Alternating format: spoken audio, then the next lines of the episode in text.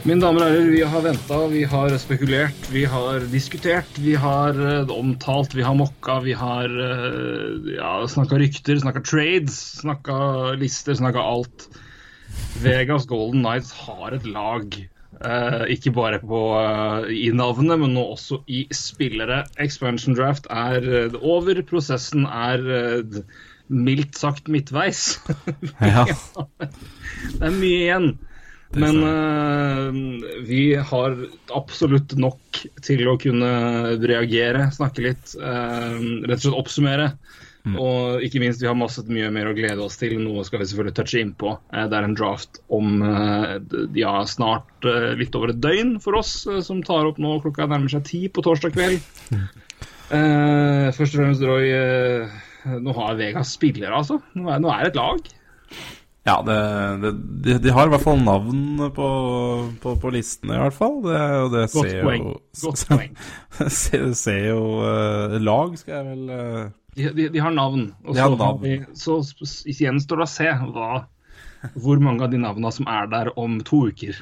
Ja, det er helt riktig. Så, så, så de har noen navn, i hvert fall. Og noe, hva skal jeg si, noe eh, assets. eh, det har de i hvert fall. Og så har de noe daukjøtt. Og så, så, så har de en hel haug med pics, som, som er vel det som er målet deres for å bygge fremtiden. Ja. Vi eh, begynner selvfølgelig med å se på hva Vegas har. Jeg tror ikke vi skal gi så veldig mye tanker til awards. Det Nei, gir vel egentlig alle en glatt faen i. gjør det nå.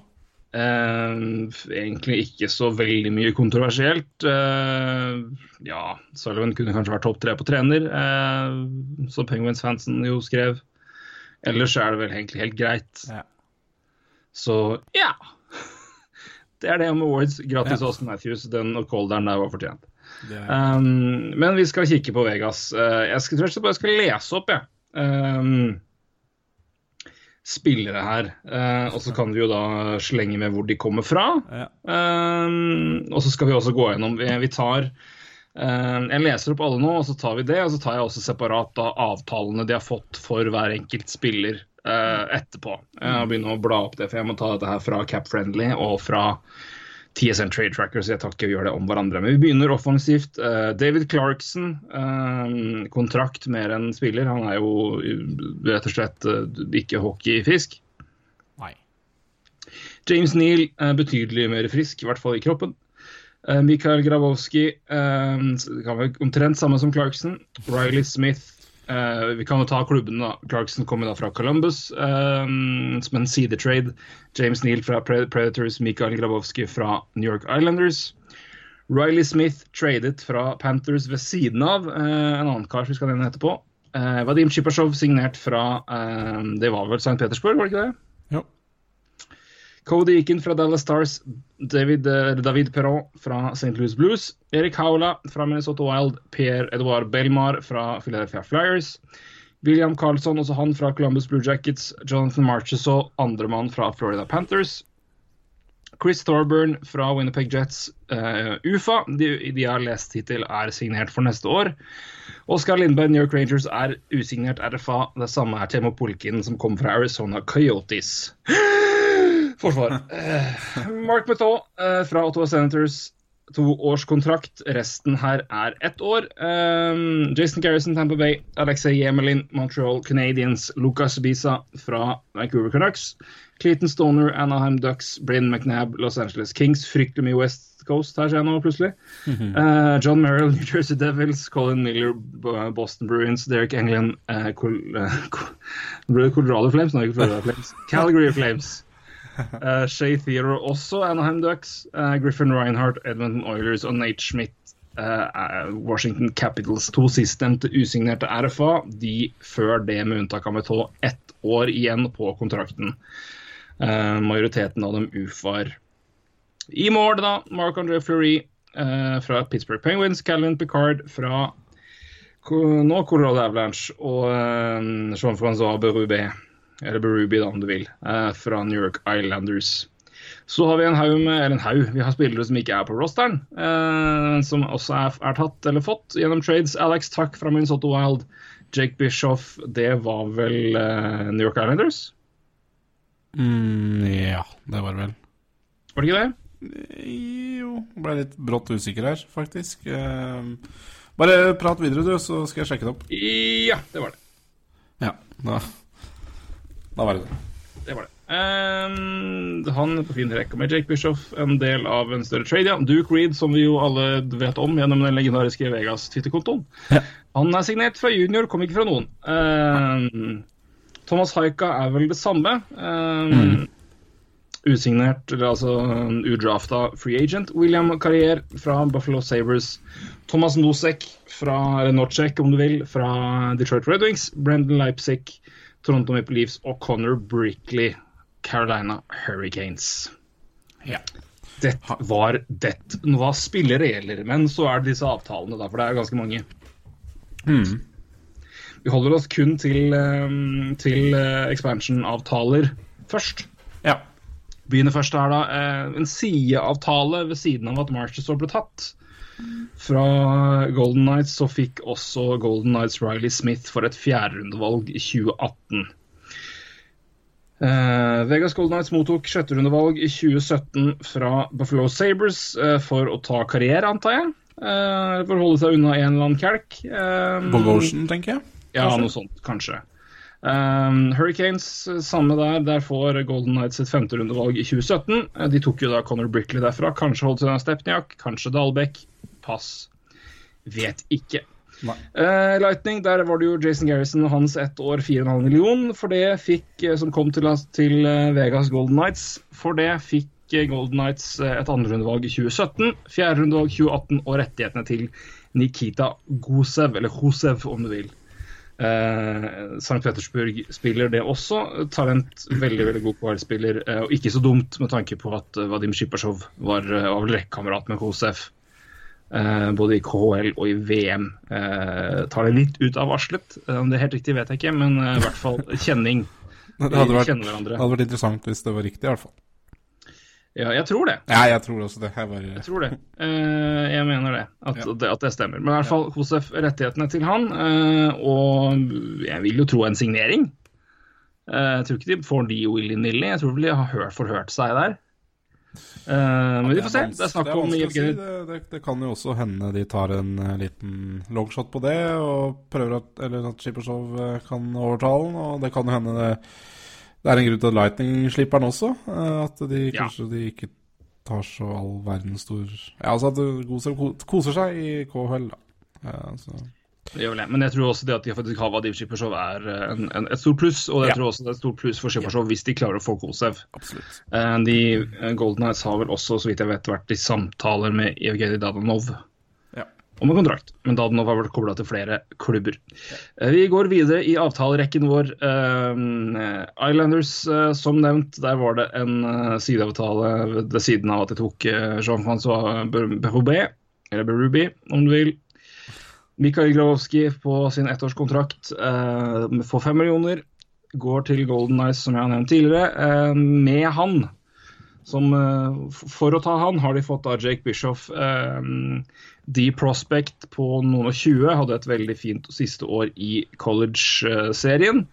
Eh, late, late, late pick fra 2012, så vidt jeg husker.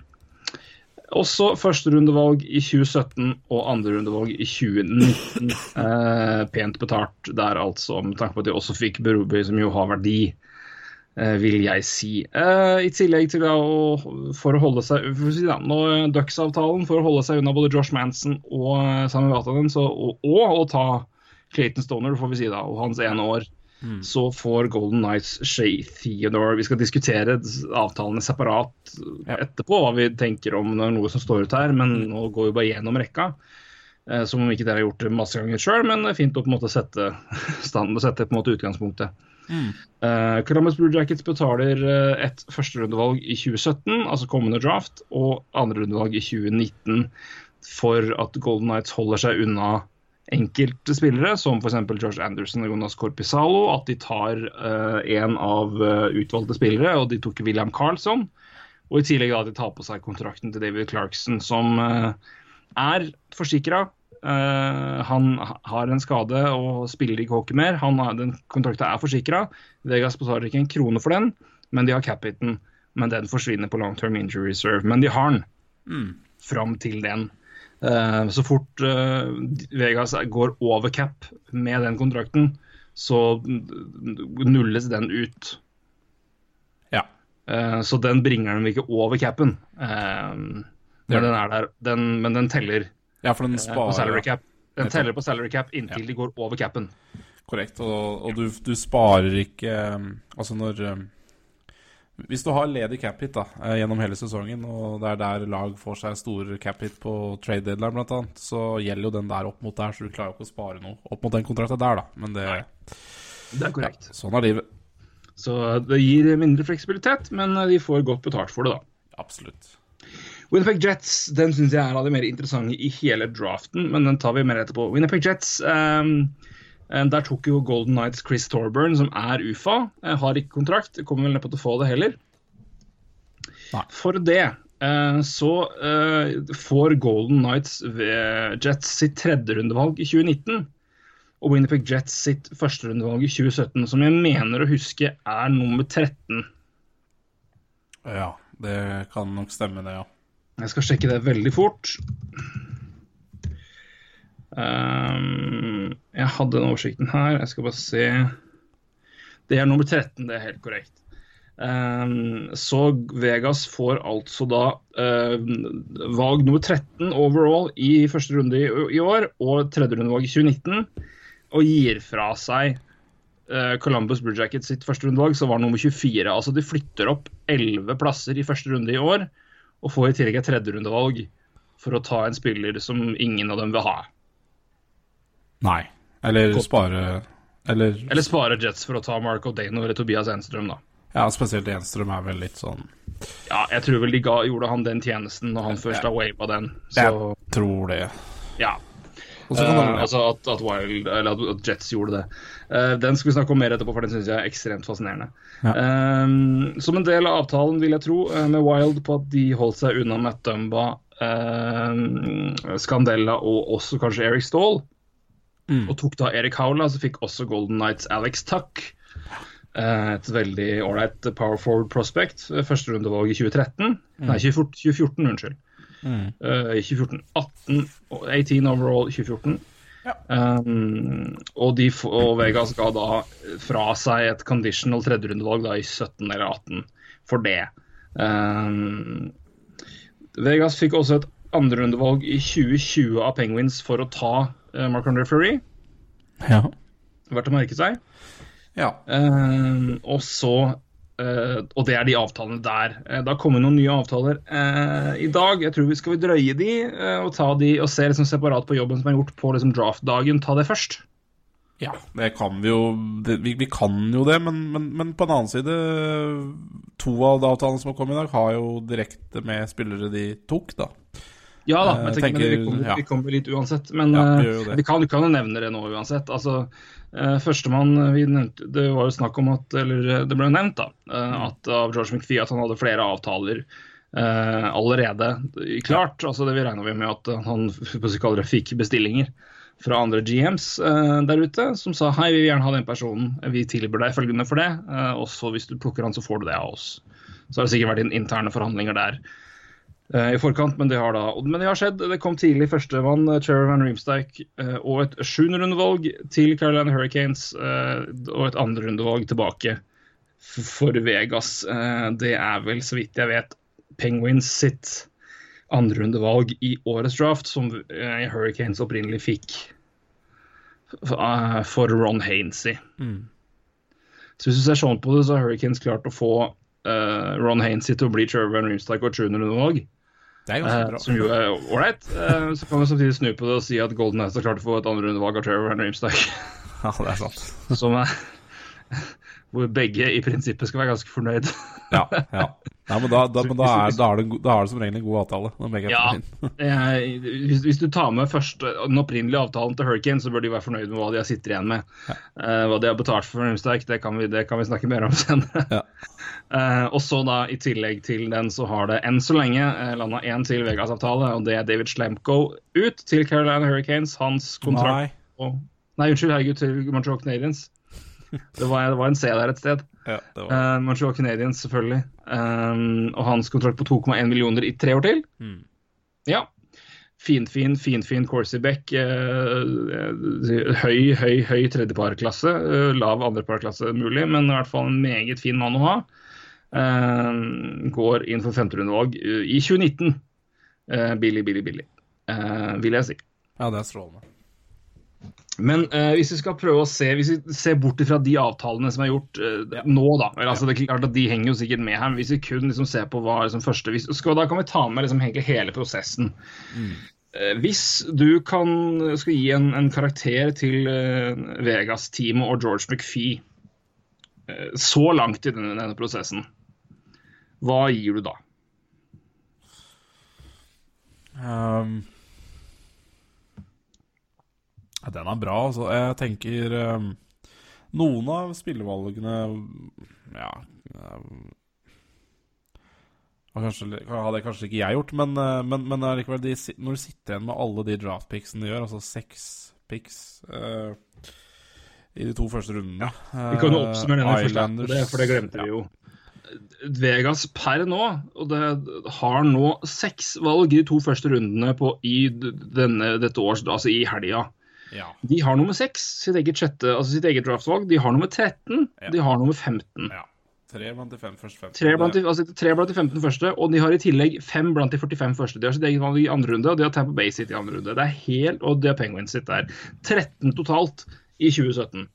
Ja, så sånn sett så Og, og det Og igjen, nok de har også spadd opp da, totalt, da, hvis vi tar med det. De har også da, i, hvis vi tar i um, 2018 er det litt tynnere, for der har de gitt bort noen valg sjøl. Det er jo en draft som jo mange mener å, er så dyp. Um, og vi, vi, det, det er jo en, bra draft, for all del, men det er ikke sånn at den draften her er Toppen er bra.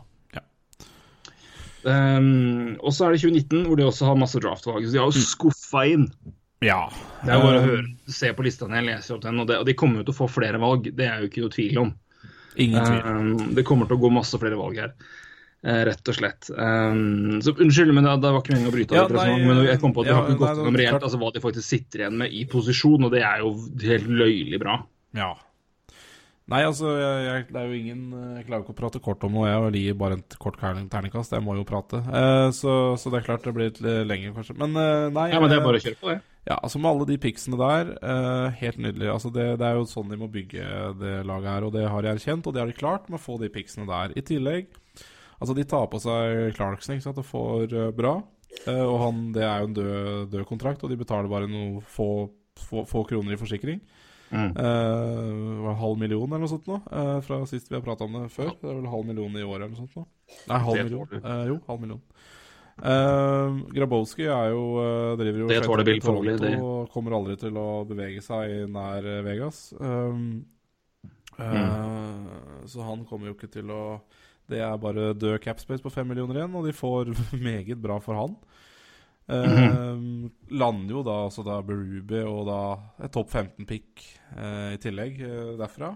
Og andrerundevalg. Og et ganske decent og KD-prospect, altså vi må ta med det. Absolutt, absolutt. Så, Blake Bishop er ikke, er ikke dum, altså. nei, det, så, så det er jo strålende. Igjen, masse framtid. eh, og bare å ta på seg en død kontrakt, egentlig. I ett år òg. God bedring til Ingvild, forresten. Jeg syns du hoster svært i bakgrunnen her. ja, det er mulig. Ja. Her er det Nå er det helt kaos her i heimen, så det, her, er vi på, her er vi på felgen nå. Men det Jeg også er jo ikke helt frisk i min hals. Eh, hvor var det jeg var hen? Jo, eh, Jo, ung, ung, altså ungdom og framtid. Ja, riktig, riktig, ikke sant? I tillegg ehm, eh, I tillegg så får jo den vanvittig fine kontrakten til Marshes òg. Ja. Erik Haula er veldig, har jeg veldig sansen for, og i tillegg da Alex Tuck. Nok en framtid fra Minnesota der. Uh, veldig bra. Um, Ja um, Og så er det en haug med ettårskontrakter på Beck-sida, og det er jo sikkert ikke så dumt. Det kan være fint å flippe det. Uh, I tillegg også Ja, David Perron, som vi så snakka om, kan også være fin å flippe neste år. Uh, Oskar Lindberg, Tim Hulkin Ja, nei, det er, vi snakka jo om de på, på den sendinga før expansion. Um, Så vet du hva, jeg Også i tillegg, Marc-André Fleury, det tror jeg er en perfekt eh, ansikt utad nå, nå i starten. Og så er det to, eh, to målvakter som er på vei opp i både Colin Picard og Berubi, så vet du hva? Eh, Og de jaggu tok til Colin Miller også der. Eh, Så, Mm. Og Shay Theodore for å ta på seg Clayton Stoner uh, Ja, klart. Uh, Når, når du er inne på den, jeg syns det er billig. Jeg òg. For det, altså, én ting er altså, Hadde det vært liksom Shay Theodore for å ikke ta For å ikke ta Altså hvis du, du dropper å ta, ta Vatanen og, og, og Mason, du får Theodore, så kan du ta Nate Thompson, for eksempel, da. Ja. Som er et ålreit bunn seks-spiller når han er frisk. Eller, Ja. Altså en, en av de gutta der. Altså Noen som kan duge. Mm. Men du betaler du, Og da tenker jeg men det, da, Den kan jeg se. Men når du tar Clayton Stoner for meg, da bør du ha tillegg for å ta Clayton Stoner. Da bør det være andrerundevalg eller tredje Altså noe der, da. Altså For all del, Shay Theodore er kjempebra. Er Strålende. Det er perfekt for det laget her å få Shay Theodore inn. Absolutt. absolutt. Franchise-bekken til Vegas er på plass forhåpentligvis allerede nå. Altså I hvert fall en av de de skal bygge laget rundt defensivt. Mm. Men jeg syns de kunne fått mer, altså. Men det er klart at det er jo bare å se hva de har fått ellers. Så er jo eh, det, altså, det, Kanskje, altså, vi, kanskje, kanskje vi sitter her og undervurderer verdien til Shit Hero litt, faktisk. Altså, kanskje han er Bare den, han har den verdien. At det, Ja da. Altså, det, for det han, har jo, han har jo den. Litt, grann, men jeg, jeg er helt enig med deg. Altså det, det, det skulle tro det skulle noe litt til mer her. Et andrerundevalg eller noe sånt. Men, men kanskje, kanskje vi rett og slett bare undervurderer verdien av shit Theodore.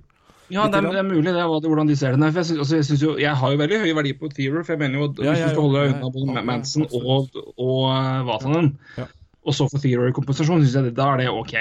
Og det sier sitt, for det er to drøye spillere å ha gå, altså. Jeg er helt enig. Jeg er helt, helt, helt enig. Så, Det er den, det den Stoner-kontrakten, men igjen, det er, det, er, det, igjen, det er kortsiktig. Det er ikke så jævlig kostbart, da. Eh, og det kommer til å fly, det kommer til å fly cap ut av det laget her som bare F de kommende dagene. Um, Ja, ja, helt enig. Og, og jeg, Mm. ser liksom sånn uh, Når vi tok en liten mock, ikke sant, så tenkte vi litt ja, uh, at de kanskje tok en litt yngre spiller, f.eks. Vancouver. At de tok noen de kunne bygge sjøl. ja. Men i stedet så tar de kanskje Lucas Ibiza, så kan de heller få et Altså flippe han til et pick, og så kan de heller velge selv.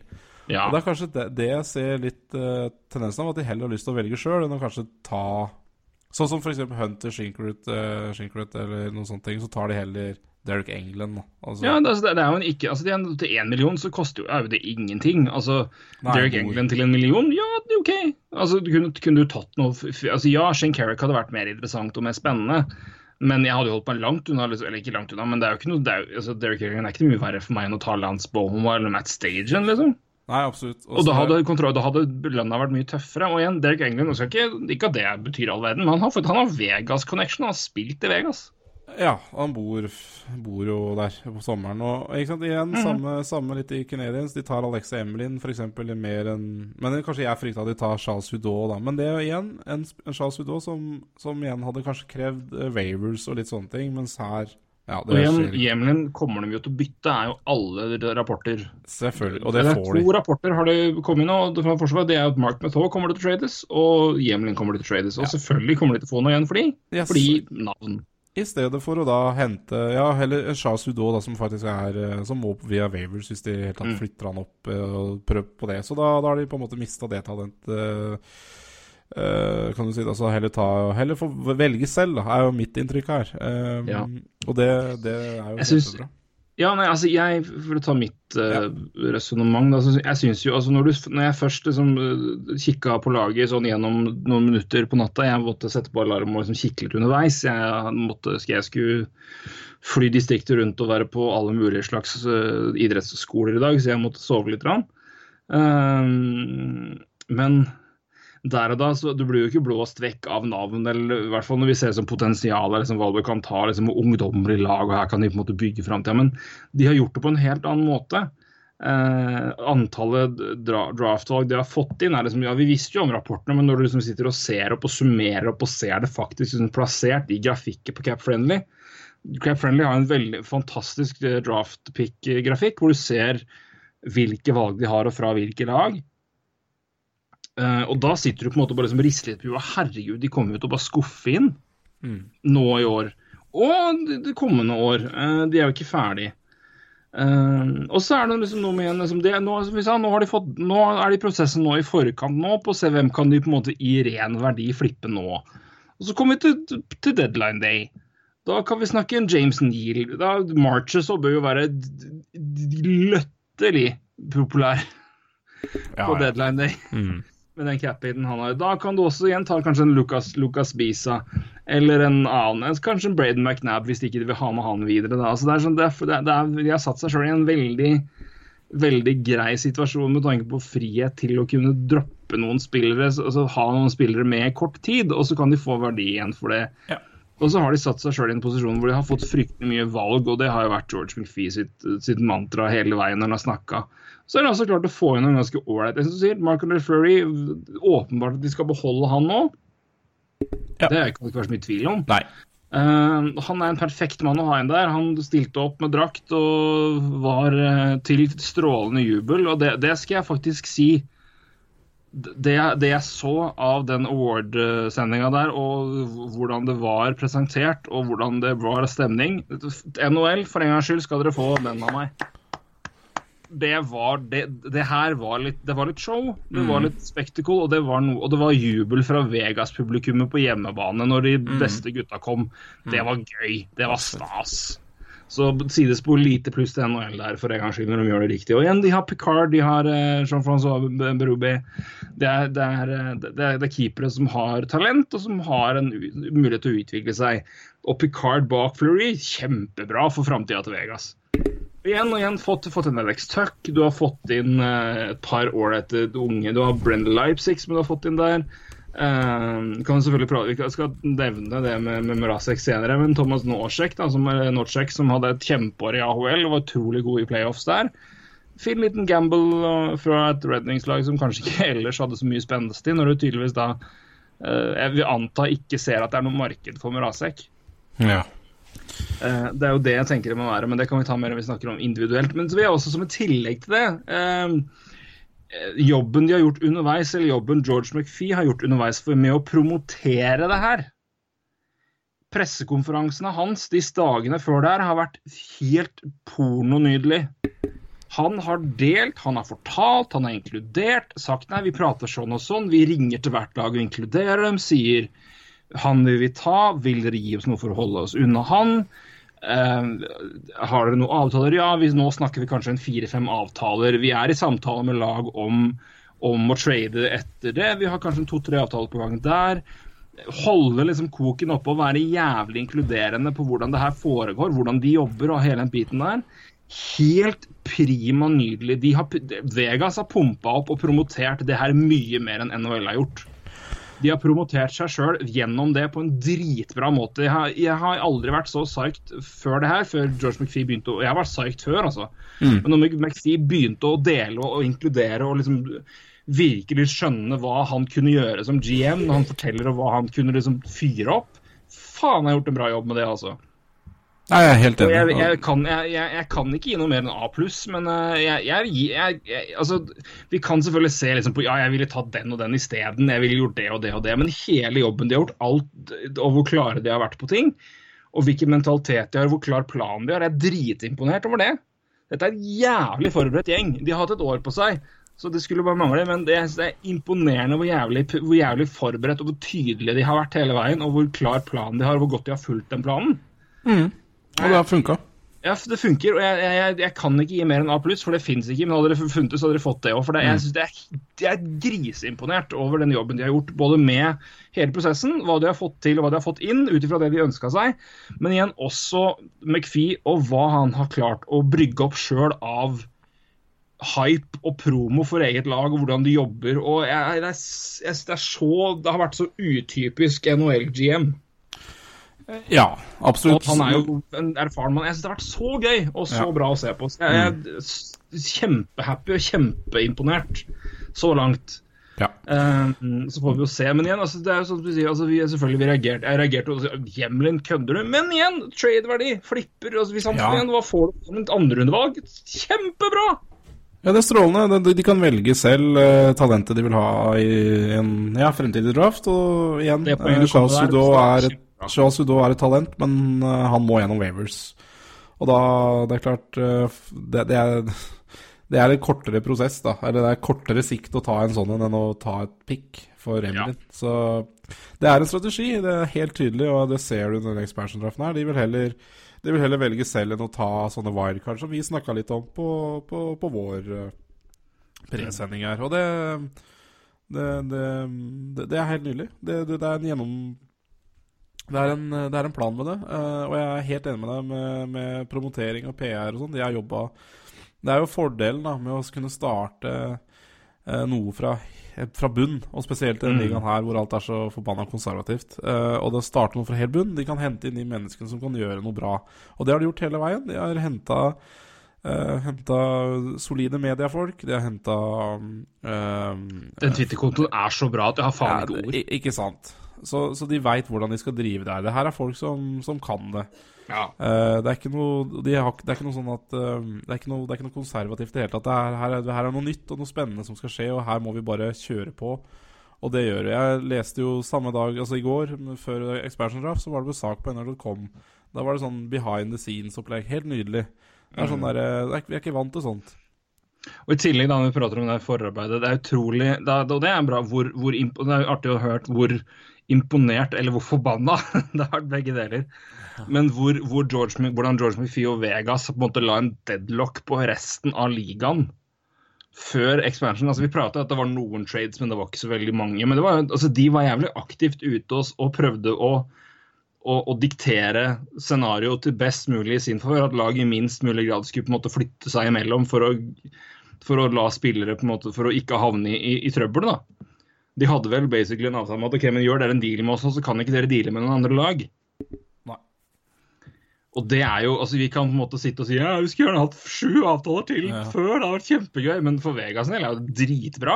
Ja. Og, det og bare det å ta et sånn jerngrep der, da, er, igjen, det er så imponerende, altså. Av det vi har fått av rapporter, selvfølgelig. Men det er sier, og det, jobben de gjør ute, og, og, og hvor aktive de har vært, og hvor inkluderende de har vært, er ja, jeg er helt enig. kjempeimponert. Er. Kjempeimponert. Ja. Jau. Eh, nok om det. Uh, vi må jo selvfølgelig se okay, vi, vi kan ikke gå gjennom alle her, selvfølgelig, men, og det, er, det blir forvirrende. Men uh, er det noen avtaler som, eh, som har utmerka seg hos deg, eller som du vil vi prate litt ekstra om? Um, Ehm, nei, jeg Ja, det, det er kanskje, kanskje Florida-situasjonen er litt interessant. Ja, den er jo absolutt ja. Uh, vi har jo allerede snakka om Anheim, egentlig, så det, og at den kanskje kunne vært bitte litt uh, Ja, mer. det- Men, men, så, så, så den kan vi la sånt. ligge. Men, men vi kan jo ta Florida, da. Det kan vi gjøre. For det, det, det interessante der er jo Og det fascinerende der er jo Det her er jo åpenbart at det her er et lag som Og Dale Talon sa jo det at 'defense wins championships', sa han nå i dag. Det er jo det de har tenkt, at de vil, forsvare, de vil beskytte sine fremste forsvarere uh, for å, å beholde det. Og, den, uh, og det kan jeg jo for så vidt se. Uh, vi var vel begge overraska over at Jason DeMears var av de som var fri og franke. Ja. Og vi, men det var jo også snakk om at det at, at de at, at de også hadde Marcher så ute der, altså, eller at de valgte å beholde han, er en kombinasjon av at 4-4, det var ikke plass, men også kanskje de kan ta han, eh, så slipper vi å gi fra oss Jason DeMears. Ja, og, Um, og vi snak, Jeg snakka jo litt om at det, ja, ja, Jeg hadde en mistanke om at det var en avtale der. At, eh, ja. med, med Gerard Galant også som eh, tidligere trener, så så klart han Han hadde noen sine ønsker, han òg sikkert. Så, Det vil jeg tro. Riley Smith kjenner han jo veldig godt. Uh, han får det jo fryktelig billig. Uh, og her vil det nok være ganske mye delte meninger om Riley Smith. Ganske skuffende år i fjor. Signerte jo en ganske lang kontrakt. Han har, jeg har signert fem år til på fem millioner dollar. Men han er kun 26 år, så han er 31 når den er ferdig. Og det han har gjort tidligere i Florida, indikerer jo på at det var jo Han har i hvert fall bevist, da. Under, det sånn, under Gerard Gallant så gjorde han en kjempesesong. For å si det sånn, da. Um, og jeg tror vel Marches og, og Smith, eh, kombinasjonen inkludert altså Det er en total avtale der, men da valgte de Det var det de gjorde for å styre unna, for å styre dem unna Jason. Ja. Unnskyld, Jason DeMears. Ja. Men nå ryktes jo han å være ledig på trademarkedet, så vi får jo se hva det ender opp i. Panthers er jo Gudene vet hva som skjer. Nei, jeg veit ikke hva de holder på med. Det er, Det er, jo, det er eh, jo ny strategi for hver eh, Ja, person er- som kommer inn døra der. Så det, Det er et lag som var i verdens beste posisjon, og som prøver så best som mulig å holde seg sjøl i den situasjonen de alltid har vært i, nemlig utafor. Ja. Um, men det får nå være. Men jeg, jeg syns jo det er veldig altså Marshall synes jeg det er, det, det er åpenbart et av de beste, de beste spillerne de har fått inn. Eh, I hvert fall målt fra fjor- fjor- fjorårssesongen. I verdi i kontrakt så er det ett år, og så er til under en mill. Det er 7,5 750 000 dollar. Så er han UFA, eh, om du velger å eh, signere den videre. Det gjenstår jo å se. Det kommer sikkert mye an på hvor godt han presterer nå i den, den sesongen her. Men jeg sier, hvis ikke så er han verdens letteste mann å flippe på en deadline day. Til en kontrakt som ingen trenger å dumpe noen ting til. Nettopp. Det er lag, lag som er skvisa som ramme satan, kan ta matches og inn. Ja, det koster ingenting. Eh, koster ingenting. Det er jo en kjempefordel. Ja. Eh, ingen kommer til Nei, det kan koste ingenting. Koster Eh, 250 000, kanskje. ja, man, I caps. maks. Ja, maks. det kanskje, kanskje mindre, Ja, det er sykt. Nei, det, det er nydelig. Så det er en interessant situasjon, men Ja. det er jo åpenbart at Talon er klar på at Forsvaret er det han vil beholde. Ja. Og det forklarer jo situasjonen. Men at de ga fra seg begge to, er vel fryktelig overraskende, syns jeg. Men det er vel en, en indikasjon på at uh, Talon og ny trener ikke er like høy på Riley Smith som det tidligere uh, ledere og Galant var, da. Ja, jeg tror, tror ja, det. Absolutt. Og så er det sånn uh, Når du har signert uh, Riley Smith på den kontrakten han fikk, var vel seks år, fem millioner, var det ikke det? Ja, Eh, stemmer. og, og, så, og, Jeg sa opp tallene veldig fort her. Og, i den Bare første, ja, og i det første kontraktsåret så får han en liten, eh, en liten en ganske stor dupp, og da blir det kanskje litt eh, Oi, skal vi prøve å kvitte oss med den eh, fem år og fem millioner her, da, for å eh, vi vil ha, altså, altså Jeg blir litt redd for at den kontrakten er dårlig, da, eller blir dårlig. Ja, hvis vi skal se sånn på det, Riley Smith hadde altså, hvis vi tar de sesongene før det her Ja. 20 mål og 51 poeng i Boston Bruins på 82 kamper. 40 mål og 13 mål, eh, 40 poeng og 13 mål for Bruins på 81 kamper. Trada til Panthers for Jimmy Hayes. Ja. Um, der 25 mål, 25 assist, 50 poeng. Uh, under, under Gala, og så da 8, i fjor da 80 kamper, 37 poeng, 15 mål, 22. Det, altså, det er jo ikke latterlig dårlig. Nei, men det er ikke fem millioner bra. Nei, nei, det er det ikke. det er helt klart. Men, altså, det, er men, det, er, men det er jo ikke som at han liksom hadde Han hadde ikke Cody Eakin, liksom. Nei, Det var det- ikke- eller nei. eller, eller uh, Carl Sødeberg. Altså, det er ikke, vi er ikke der. Og det her var et lag som i seg sjøl var ganske røtent og hadde skader som bare satan. Ja. Så hvis du setter det i konteksten der altså du kan, du kan gjennom kontekst og unnskyldninger, forklaringer, se på, på Riley Smith i sesongen og si å ja, ok, men jeg kan skjønne at han hadde litt problemer. Ja, Men, ja absolutt. være, men, altså, jeg, men, jeg, men det, igjen, det er en veldig, det er, jeg skjønner jo også at de får litt panikk. Eh, fordi Ja, ja. vi vet jo alle at hockey altså, det er veldig lett å glemme forrige sesong og se veldig mye på årets sesong når man Ja. er hockey front office-person. Det har vi lært oss. Ja, ja, ikke sant. Så Men jeg, jeg forstår det også, da, at man får litt panikk. Ja. eh, Jeg må si det. Eh, det og i hvert fall nå med Ja, det, det er så pressa i, den, eh, i det cap-helvete de er i. Ikke de, men altså generelt i hele ligaen. Og, Ja. og da er, da er fem millioner tungt å dra, altså hvis ikke det fungerer. Og det og det er, det er litt med Jeg bare tenker litt på, på også ja, den profilen også Florida har. Da. Det er mye ungt der, og det skal, det skal betales kontrakter der framover. Så blir det bare enda tyngre å dra på Riley Smith hvis ikke det fungerer, da. Eh, Men, men det er en Altså, for Vegas sin del sikkert eh, en eh, Altså, som sagt, det er Gerard Galant. Han kjenner han vel veldig godt, så, så det er, de tar sjansen, da. Men de, får jo da også da Ja, Jonathan Marshall så på den kontrakten der, og ja, eh, så de er vel fornøyde uansett Vegas. eh, og det kan fungere bra. ja da, veldig fornøyd.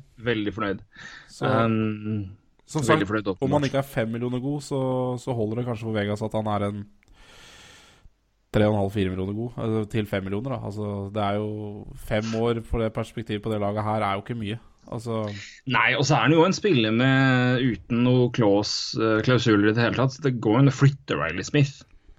Ja, det tror jeg. Det er jo Det, det gjør det jo. Altså han er jo altså, han er en kompatibel spiller. Det er ikke sånn at han ikke går noe sted. Altså, det kommer bare an på hva du er villig til å d d ikke få for han.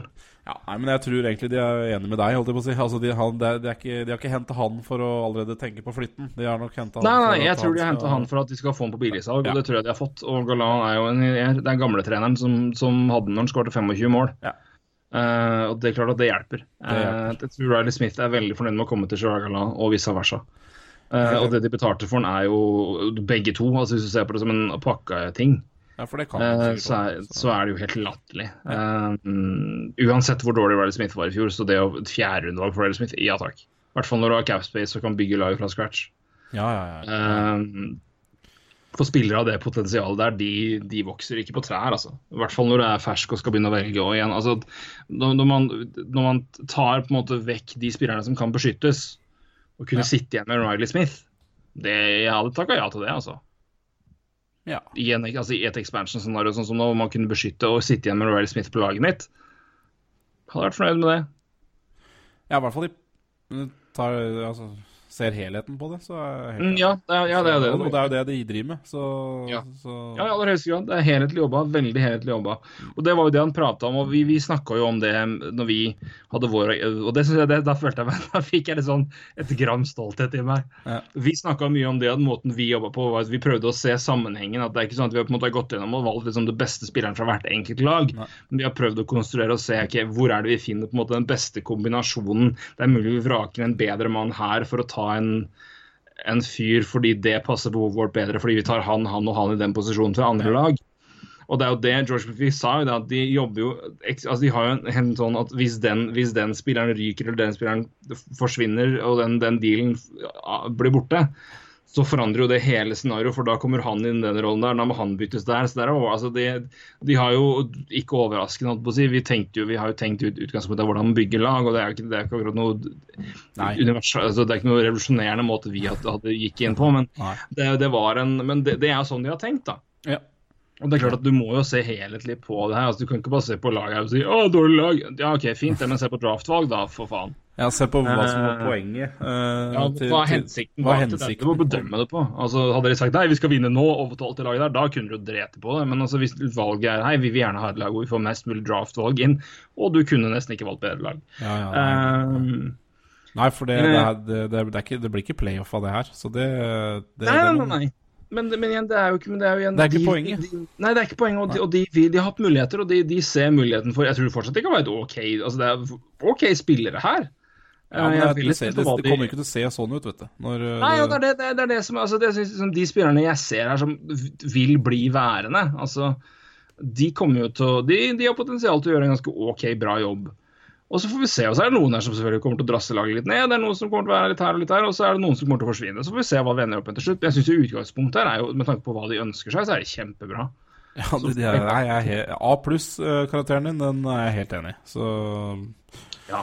Det er en del, altså Hvis, hvis jeg er ferdig med, med, med, med Panthers jeg ikke, Vi kan ikke ta altfor mange av dem, men eh, det er noen som vi kan touche inn på. Jeg synes også Enkeltspillere, hvem de velger der, det er liksom ikke så veldig Nei. Eh, Vi kunne selvfølgelig gått liksom langt inn på Detroit, men jeg tror kort, kort og greit når de velger tre keepere, så indikerer det at markedet for en keeper er ikke fryktelig tungt. Eh, Som jo er litt overraskende, egentlig. Men da, da er det altså, de hadde, hadde det vært lag ute der som ønska seg keepere, så hadde de jo tatt en fjerde-femtemann og så flippa de. Ja, altså vi, her indikerer at det er forsvarsspillere det går i, og det er jo det det, det mange har prata om. og Vi, vi toucha inn på det at hvor, hvor, hvor lett det på en måte er å se for seg å ta Nei, vi skal ta Subhaan, vi skal ta Picard, vi skal ta, eh, vi skal ta Nye, vi skal ta Ranta, vi skal ta Grobauer, Mrazek og Fleury. mm, Flipper jo dem. Nei, ikke nødvendigvis. Eh, og det virker jo sånn nå, da. Um, jeg tenker jo det at de faktisk ikke tar Mrazek, indikerer jo at det at markedet for Mrazek ikke var så jævlig stort, som egentlig er sjokkerende. Godt mulig at Mrazek blir flippa nå av Red Wings uansett. mm. Det, det er jeg ikke fremmed for. Det er ikke sikkert Vegas var interessert i å ta på seg noe eh, Ta på seg noe Ta en sjanse med det, da. Nei, og, det er, og jeg sier jo også når de faktisk tar, Thomas Nocek, no, no, no da jeg velger å ta på en liten østeuropeisk lyd der. Ja. Mulig det er Nosek. Jeg vet ikke. Velger å gamble. Eh, men eh, eh, Daniel Andersen er sikkert på meg som en klegg med en gang. Han veit. Ja da. Spikkekniven er framme. Yes. Hei og Men Men poenget jo, men det er jo et interessant AHL-valg, eller altså kommende love eller forward med en del potensial. Men igjen, det indikerer jo at der er markedet er ikke veldig klart der. Um, det er liksom det eneste jeg kan si om. Vi får se liksom på hvorfor enkelte spillere er vraka. Men um, så kan vi selvfølgelig se på Clarkson og, Grabov og Grabowski som egen, altså Hvis du ser på dem, så er de strukturert omtrent helt likt. Um, det er førsterundevalg i, i, um, i um, 17 um, og andrerundevalg i 19, 2019. Mm. Og der fikk jo Og de fikk jo si, basically ganske samme spiller. Uh, altså i potensialverdi, da. Altså Jean-Francois Brubé og William Carlsson. Ålreit til bra potensiell Altså Spillere som har vist at de er ganske OK, har et bra potensial, og taket er sånn OK høyt. Mm. Det er det vi oppsummerer med det. Interessante med det er at Grabowski-avtalen, som er kortere, får de bedre betalt for. De får, eh, de får et, et valg som er ni plasser tidligere enn Columbus sitt, og de får en ekstra D-man Uh, i uh, herremannen med navn eh, Jake Bishoff.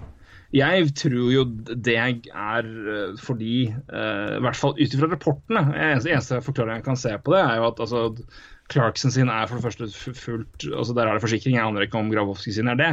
Men Clarkson sin var klar før, Mm. tror jeg. Ja. Eh, og da kanskje Islanders sier hei, vi gjør en sånn avtale vi òg. Og da sier Vegas eh, fint det, men det, det blir dyrt, for vi kan ikke ta på oss alle, alle av de. Nei. Så da må vi heve prisen litt. Og da sier Islanders OK. Eh, tipper jeg, da. Jeg, jeg, hvis jeg skal tippe noe, så er det det som har skjedd, at hvorfor den avtalen er litt At, den, at det koster Islanders litt mer enn det gjør eh, for Blue Jackets, hvor kontrakten til Clarkson henger der lenger. Men den avtalen som jeg syns er mest spennende, er jo den de gjorde med Winnerpeg. Eh, som et, vi for den syns jeg er interessant. Mm. For der syns jeg Vegas kommer sykt godt ut av det. ja. Kjempegodt ut av det. Mm. Jeg, ok, jeg skal, jeg skal oppsummere det på følgende måte. Du er GM for, for Winnipeg Jets. OK? ja. Du er Winnipeg Jets eh, GM. Nei, um, Eller åssen skal jeg se på det her, da? Jo. Um, jo, du sitter med valg nummer 13. ja. Og så eh, I hvert fall, altså, jeg, men jeg, jeg er usikker på hvordan jeg skal biten her, men poenget er at det de, altså, igjen, Vegas får da valg nummer 13 og Ja. tredjerundevalg i 2019. Jets får førstevalget i 2017, til, som er Blue, Blue, Blue Jacket sitt, 11 plasser lenger opp. Mm. Vegas flytter altså opp 11 plasser og får tredjerundevalg i tillegg. Og tar Chris Torburn, som er ingenting. Ja. Altså, den bonusen de får der, er altså Marco Dano eller Tobias Enstrøm. ja. Hvis du skulle flytta opp 11 plasser og i tillegg fått et tredjerundevalg, Å, hadde ja. Enstrøm vært altså Hvis du ser på det, hvis Ja, ja, jeg hadde ringt deg og bedt om det ja. Jeg hadde sagt du, jeg, du får Mark Dano for det. Du får Tobias Enstrøm for det. Han, hadde du lagt på da? Ja, ja. Ja, det hadde du. Jeg hadde det, altså. Jeg hadde det. Det, det er ikke noe tvil om det. Så må vi selvfølgelig se det i konteksten. av, Som vi sa, at Vega, Winnipeg har antakeligvis hatt ekstra lyst til å beholde Enstrøm fordi han tok den for laget, uh, vil jeg tippe. Uh, det er det, det Jeg legger det i her. Det, men verdien Vegas får av å droppe Dano eller Enstrøm, som jo basically er det eneste av verdi de kunne ta, er helt drøyt bra, altså. De flytter om sagt opp elleve plasser opp i draften. Ja, og så kan du tenke, ja, så kan du tenke deg som Altså, du, du Enstrøm kan jo egentlig bare ta bort, fordi Altså Eh, Ja, nei, ja, nei det, er, det er fascinerende. Altså, Men du er skjønner hva jeg noe- mener? Jeg skjønner hva du mener. Det er litt vanskelig å Men altså, det er, det er vanskelig, Jeg bare var usikker på hvordan, hvordan jeg skulle formulere Ja, det. Men det er best at hvis jeg, hvis jeg vil flytte altså jeg, vil, jeg vil opp 11 plasser, plasser i draften og i tillegg få et tredjerundevalg, Ja. Og, og da tilbyr jeg, tilbyr jeg Tobias Enstrøm. Ja, det er merkelig. Altså, det, det er jo Du skulle tro at du skulle Du hadde jo ledd, og du hadde ringt rundt på draftbordet og bare Hei, vet du hva han ga til meg?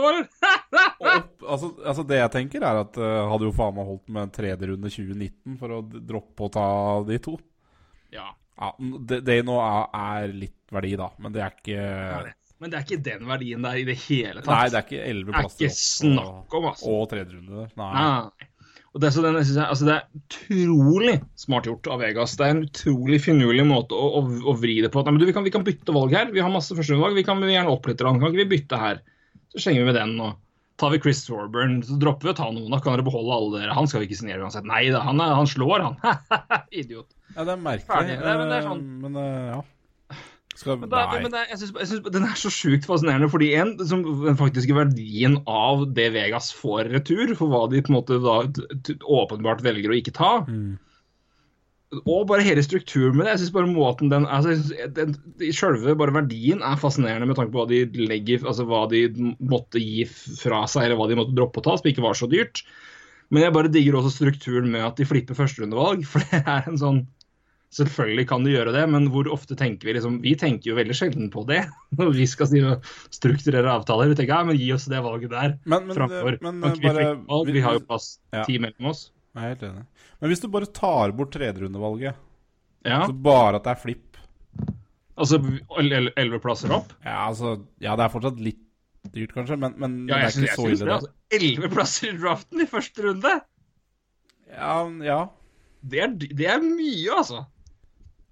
Det er mye. Altså fra ja, det er, det er jo Ja, ja kanskje. Ja, men altså, det er jo det på ja, jeg, mer, jeg mener jo det. Altså, ikke Altså Jo, men ok, elleve ser plasser, det sammenheng, da. 11 plasser eh, hvis, hvis de er høye på, på de to, da, og at det er elleve plasser Altså, det er jo I kanskje en draft der de elleve plassene kanskje Og det er jo årets draft er jo Altså, det er ganske tight. det det, det, er ganske, det er ganske tight fra Ja. Fire, fem, Det er vel det som gjør at noen ut, uten min forståelse kan Ja, svak draft i år. Nei, det er bare Hvorfor? Um, men det som kanskje noen tenker ved det, er jo at altså, Patrick og Hirscher ikke er Matthews Line eller Eichel McDavid. Fortsatt fryktelig gode spillere, men de er ikke, de er ikke i den der generasjons-franchise-potensialet. Men så er det vel også det at fra en viss plass så er det ganske vidåpent. Altså det er mange gode spillere, men det er, det er ganske åpent fra Skal vi si er, rundt, fra, rundt 10 til liksom, ja, 25? Ja, det tror jeg. Jeg tror absolutt. Eh, Det kan være spillere som er ranka 10, som kan gå 25 omvendt. eh, Kanskje Ja. Ja, for det går liksom pre- preferanser, og det, det er litt eh, Det er for meg, altså, jeg, jeg har ikke røkket gjort veldig fryktelig mye research Nei. på draften i år. Av den enkle årsak at i, laget mitt tar nummer to. Eh, og, og vi har hatt så mye fokus på expansion draft, og det har Ja. bare Nei, det, ja. det, har, det har vært det som har, jeg har gitt mest tid, da. Ja. Men jeg syns bare i seg sjøl at det, bare en struktur, men også hva, de hva Vegas faktisk får der, er ganske Jeg syns det er veldig fascinerende, altså. Um, og jeg er veldig spent på hva, hva de får i Alex Tuck også. Uh, Det er jeg spent på. Jeg tror det kan også være en, en fin, fin liten deal. Og ikke minst da hva som skjer med Nikita Kosev. Jeg syns det også er, er spennende å se. Hvis de klarer å signere han, og han får spille med Shipashoff, så har du på en måte automatisk en liten connection der. Det, Ja, smart. Det er da de er, begge spillere skal venne seg til. Det er veldig smart tenkt. Eh, begge spillere må selvfølgelig venne seg til eh, nordamerikansk spill, men det er i hvert fall, men om du på en måte ikke har kjemi med omstendighetene, så er det i hvert fall kjemi med hverandre. Eh, og det, om det skulle gå i mål. Um, og Josef kan jo umulig være grisedyr heller. Altså Hvis du ser hva Shippershoff kosta 4,5 millioner, som vi syns var en kjempeavtale, og det er det jo Ja. to år. Uh, Josef har uh, betydelig mindre på CV-en. Fortsatt et kjempegodt år bak seg i KHL, men han har jo mindre på CV-en. Ja. Så det bør bør være mulig å få han til en billigere, fin avtale, altså. Og det Nei, den, den er jeg spent på, rett og slett. Ho.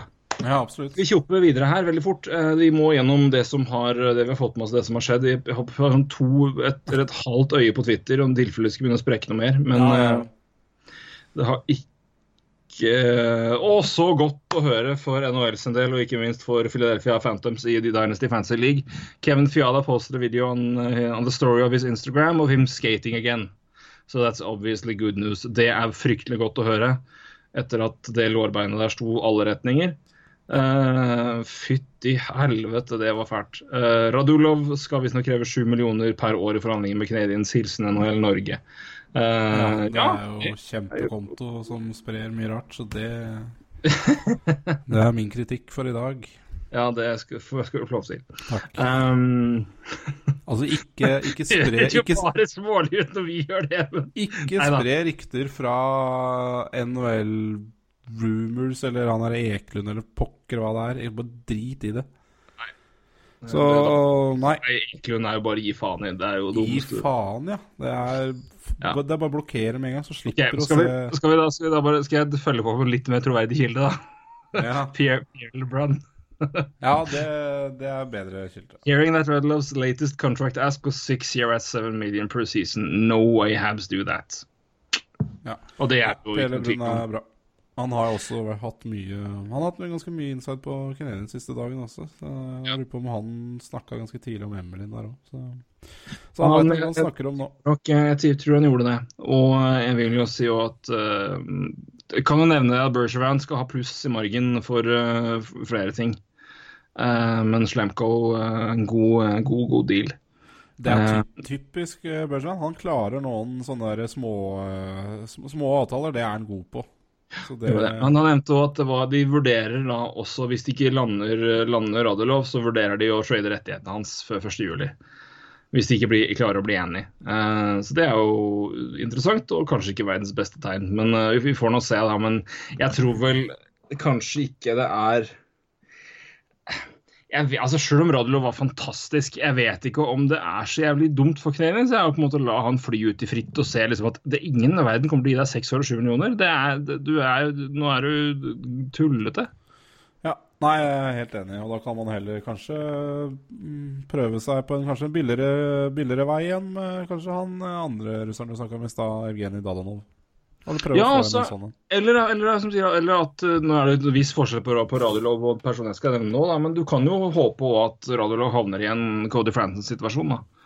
Hvor du ber om altfor mye, og så sier resten av laget du, sorry, det går ikke, og så fikser de så ordner de eh, sine behov eh, i mellomtida, og så sitter du igjen der og har ikke noen ting, og må signere en billig avtale. Og da sitter Montreal der og sier hei, Alex. Ja, og, det, og jeg, tror ikke, jeg tror ikke det blir noe uvennskap uansett mellom de to. Så, Nei, for jeg tror de trives veldig, veldig godt. Og, jeg, jeg, vet, jeg, vet ikke om, jeg vet ikke om Montreal kommer til å risse. altså, De risker selvfølgelig å miste den, men til den, de, de krava der tror jeg ingen lag kommer til å signere den uansett. Og det Ja. Uh, og igjen, selger, selger han seg for høyt, så tror jeg han kan gå på en smell i free agent-markedet. Da er det det kan være fordel av Montreal som bare kan plukke en billigere til slutt. Da, fordi resten av laget har ikke, har ikke noe interesse eller plass til å ta han. Nei, og, og de er jo Ja, nei, det, det kan være. Nei, Det blir spennende å se, i hvert fall. Det blir det absolutt. Ja, det er, Eh, men det er jeg fort et lag som overbetaler der, altså. Ja, jeg tror òg altså, klart Montreal har satt seg satt i en situasjon hvor de ikke, det er ikke krise om de taper Radulov pga. Av Drouin, men jeg håper jo både for Radulov og Montreal sin del at han blir. Fordi Ja, jeg håper det. Jeg eh, håper, det, er, det er jo altså Når du har hatt den kjemien og den rollen og den at alt har fungert såpass bra, så hadde jeg ofra noen millioner for å fortsette der, altså. ja, altså fem år eh, Fem år, det, det kan, kan jeg sikkert leve med. Eh, men eh, der går også smertegrensa. Men eh, ja, fem år, seks millioner skal jeg være fornøyd, kanskje. Ja, Der tror jeg det men lander. er, Så- eh, jeg- eller der tror jeg men, Det er, men det er, liksom, det er vanskelig. Det er, det er, nå hopper vi litt ut av det, men det er, det er en Ja. vanskelig ting. Er, men jeg, jeg tenker jo det at på det tidspunktet der altså Han har jo, han har jo tjent sine kroner i Russland. Og jeg tenker liksom på den tida der så kan liksom altså, Det kan jo umulig være så jævlig farlig med om du tjener sju eller fem millioner dollar. Jeg er klar over at det, to millioner dollar er ganske mye. Eh, og Montreal er det skatt og hei, men, men det, han lider jo ikke noe økonomisk nød. Og jeg tenker i hvert fall liksom, en situasjon du er et lag som åpenbart satser ehm, Faen, Alex. Du, nå har du på en måte virket Du er liksom i ferd med Hvor, hvor mye okay, Hvor mye er din, ditt hockeyrenommé og historiske posisjon i hockey som hockeyspiller verdt? Ja. Det er et spørsmål. Som Det er jeg mener det er For det er altså, i hvert fall de gutta der altså, Hvis Rodloff blir i Montreal og fortsetter sånn som han har gjort i tre-fire år altså Hans, hans rykte, i, i, i hvert fall i NHL-sammenheng, kommer til å fly 40 000 meter i lufta. Ja da. Fordi, ja, ja, det er gjort i KL, men klarer du i NHL? Det er jo standardsvaret. Og Rodloff er jo eh, Han Ja, vi viste jo i hørte fjor det. for en vanvittig hockeyspiller han er. Og, og Ja, han vi hørte det før. Og, og, ja, og nei, han, han, han har jo Han fikk jo allerede en litt, liten helsestatus i Så Han var jo, han viste hjerte og viste glede, og viste jo mer glede når han fikk en assist til et eget mål. Og, altså, bare det må må jo han, han ble jo elska med en gang. Og det Ja, men igjen så ser vi liksom, vi så jo når han kom dit, vi var jo to personer som Jeg i hvert fall var jo en person som virkelig hadde trua på at Radulov kunne gjøre det fryktelig bra i NHL. Ja. Jeg har jo alltid stått på å ta altså, det har, på måte, Han har aldri hatt liksom, problemer med det offensive. Det er jo Altså, Nei, det er Han er jo av de mest har- tekniske begava. Altså, I hvert fall gi mannen en sjanse. Hvis han får han det til å funke, så kommer han til å være vi, altså, det, jeg skjønner jo det. er ikke, jeg mener jo ikke å latterliggjøre eller på en måte se ned på de Nei. som mente noe annet enn meg der nå. det er ikke det, men du så jo hvor fryktelig mange av, av folka som vi diskuterte med, av norske på, eh, på Twitter, som var bare avfeide mannen. Ja. Og mente at det kommer til å bli flopp som bare satan. ja.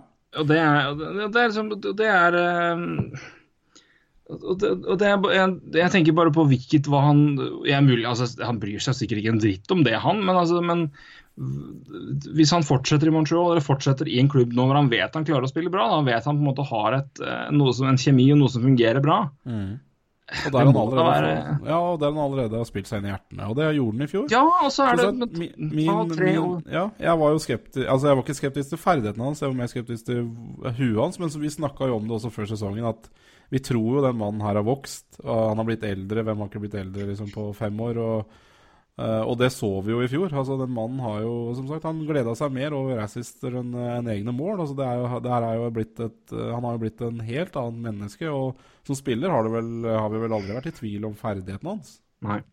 Så Det blir spennende å se. så nå, vi får se litt nå, da, hvor uh, Ja, hvor, uh, hvor det lander hen med penger og krav og sånn, og hvor urimelig han egentlig Ja. er, da. For akkurat sju millioner og seks år, det Spørs hvor bra den er skilsmissen verden. Vet ikke mye- vet ikke hvor mye penger som røyker der. Nei, det Det. men, men for Um, all del, jeg, jeg blir heller ikke overraska om det er noen som faktisk betaler sju millioner og seks år. Det- Jeg blir aldri overraska i den ligaen her. Nei da, det er sant, det. Men eh, hvis, det er hvis det blir. Canadiens, da Ja, da Ja ja, jeg får jo glede av en et par år, kanskje. Så Nei, men det er, jo- men det er jo også poenget. Men hvis, hvis de gjør det, da, og satser liksom knallhardt nå i det kommende året og vinner på det, da gir du jo faen i de øvrige seks, liksom. Det er helt riktig. Det er helt forbanna riktig. Så det er også en måte å se det på. At hvis de, var, hvis de nå går all fuckings inn av det nå året nå hvor Price har igjen, og som Patrietti er der, og, og de faktisk vinner, så gir de jo de, Du gir jo Altså Det er jo bare å se på alle, alle trades som er gjort av lag som har vunnet Stanley Cup. Det er jo hvor, liksom, hvor på papiret unødvendig de har vært. Ja. Vermette for first og litt sånn forskjellig. Og så er det jo Thomas Caberlet til Boston, ikke sant. Men de vant, da. Ja. Ja da. Nei, Trengte ikke absolutt. trengte ikke altså, det, er ingen som, det er ingen som tenker på, på de siste to åra av hans kontrakt, hvis, eh, hvis det her ja, ja, Hvis Canadiens skulle gå hele veien neste Jeg sier bare nå, altså Montreal har 21 millioner i cap hit. Ja, de, Nei, det er i Capspace, cap space, er Capspace. Cap space, cap, cap hit, herregud. den er Ja. Det de har igjen, altså det de må signere de, de har igjen å signere fra laget som har vært, da, er Galchenyuk og Radulov. ja. Uh, Dwight King og Brian Flynn kommer til å gå. Uh, de Markov kanskje til ny avtale, og så er det eventuelt Nesterov. da. Nesterov tror jeg, nei, Nesterov går. Ja, han går. Han blir, han blir i hvert fall ikke um, Altså, han blir i hvert fall ikke qualified, da. Men det er jo ikke dermed sagt at han er ferdig, da. De kan jo signere Han blir jo Nei, UFA. Men. Men det eh, kommer trolig en, her på- kommer du trolig en uh, ja. Men her får du Ja, skal vi se på Det er plass til en forsvarsspiller til hvis du, når du signerer Gatsjenjok, Radulov og, og Markov, altså. Jeg tror de er nødt til det. Jeg tror de, Ja, jeg tror hvis- de er ute etter det òg. jeg tror Jeg tror de har, trenger en topp fire-mann, i hvert fall. Kanskje to. Ja, Det er i jeg, jeg tror, tror hvis, hvis Galchenyuk ryker, så tror jeg det er for en topp fire-back. Men eh, Ja, ja, åpenbart. Det er åpenbart at det er det. Så jeg så jo noen egentlig interessante rykter om at de prater med Islanders, da. Og får inn en pakke der med Travis Hammonick, eh, Bouvillier og var det Josh Hosang og sånn. Så ja, det, det kan jo godt hende det er noe prat der. Den hadde vært fin. Den er fin. Den er fin. Men det er Du, vi har, apropos Islanders, det var en fin, fin Segway, syns jeg. Ja. Vi har én trade igjen, og så må vi begynne å se på en annen draft hvis vi skal rekke det. Ja, det er korrekt. Um, jeg kjenner at nå begynner jeg å bli svett i kragen, så nå må vi bare jobbe på. Ja, nå må vi på. Uh, men uh, det, ut, det er jo to uh, foreløpig. Jeg må bare oppdatere og se at det ikke har vært en tredje. Eller fjerde, da, eventuelt. Nei da, Slemko fortsatt det siste. Eh, men den absolutt største traden eh, i så langt er jo Jordan Eberly eh, og Ryan Strome. Eh, I dag, da. Eller altså etter expansion-draften. Uh, Eberly altså til New York Islanders, Ryan Strom til Edmonton Oilers. Ingen salary retention. Ingenting. Player for player straight up. Um, Peter Chiarelli uttalte at her var salary cap en stor sak. Ryan Strom tjener jo halvparten av det Jordan Eberly gjør. I ett år til, i hvert fall. Um, så vidt jeg kan se. Jeg skal bare dobbeltsjekke nøyaktig tallet her. Mener Strom har 2,5 million blanco. Helt korrekt. 23 år, 2,5 million RFA om et år. Mens Everly er jo som kjent en 5 millioner 6 millioner? 5 millioner? Fem, ja. 5 Nei, 6 millioner. Oi, herregud. To år til. Å, hei og Så million, ja. best betalte mannen er sammen med Johnny Borchuk, da. Uh, den kontrakten er også grusom for øvrig, i, i lengden. ja, det er lengde der. Ja, den er fæl, altså. Eh, nok om det. Um, men Eberly, da. Right wing. Det betyr vel fort vekk at vi da har John Taveras med Jordan Eberly og Andrew Ladd eh, på vingene til eh, neste sesong. Eh, det er vel et forsøk på å eh, stryke eh, gode, gamle John eh, etter hårene og si hei, vil du ikke bli her og spille med disse guttene? Ja. Dette hadde vært gøy. Huffa. Ja. Um, men interessant avtale, for å si det mildt. Um, jeg syns jo det her er flott for Edmonton. Ja, det er det. um, Det er det. De, de har jo selvfølgelig sikkert søkt mye etter å flytte på Ebele, um, men sånn ennå har litt verdi. Ja, Um, det har han jo absolutt. Altså, problemet hans er jo lønna hans, eh, ikke hva han Han hadde vel over 50 poeng. eh, Definitivt. Eh, men du kan jo ikke ha seks millioner spillere som ikke spiller med Conor McDavid. Det går ikke. Uh, og det funka ikke. Nei. Skal jeg bare finne stats på, på Strom her. Uh, Strom er jo da, for de som ikke helt husker det, et tidligere femte over, fifth overall-valg, tatt eh, fem i femte runde i 2011. Ja. Um, 23 år nå, blir uh, vel 24 den 11. juli, ser jeg her. Mm. Uh, Lissa som senter har altså spilt right wing. Kommer fra en sesong med 30 poeng på 69 kamper, 13 mål.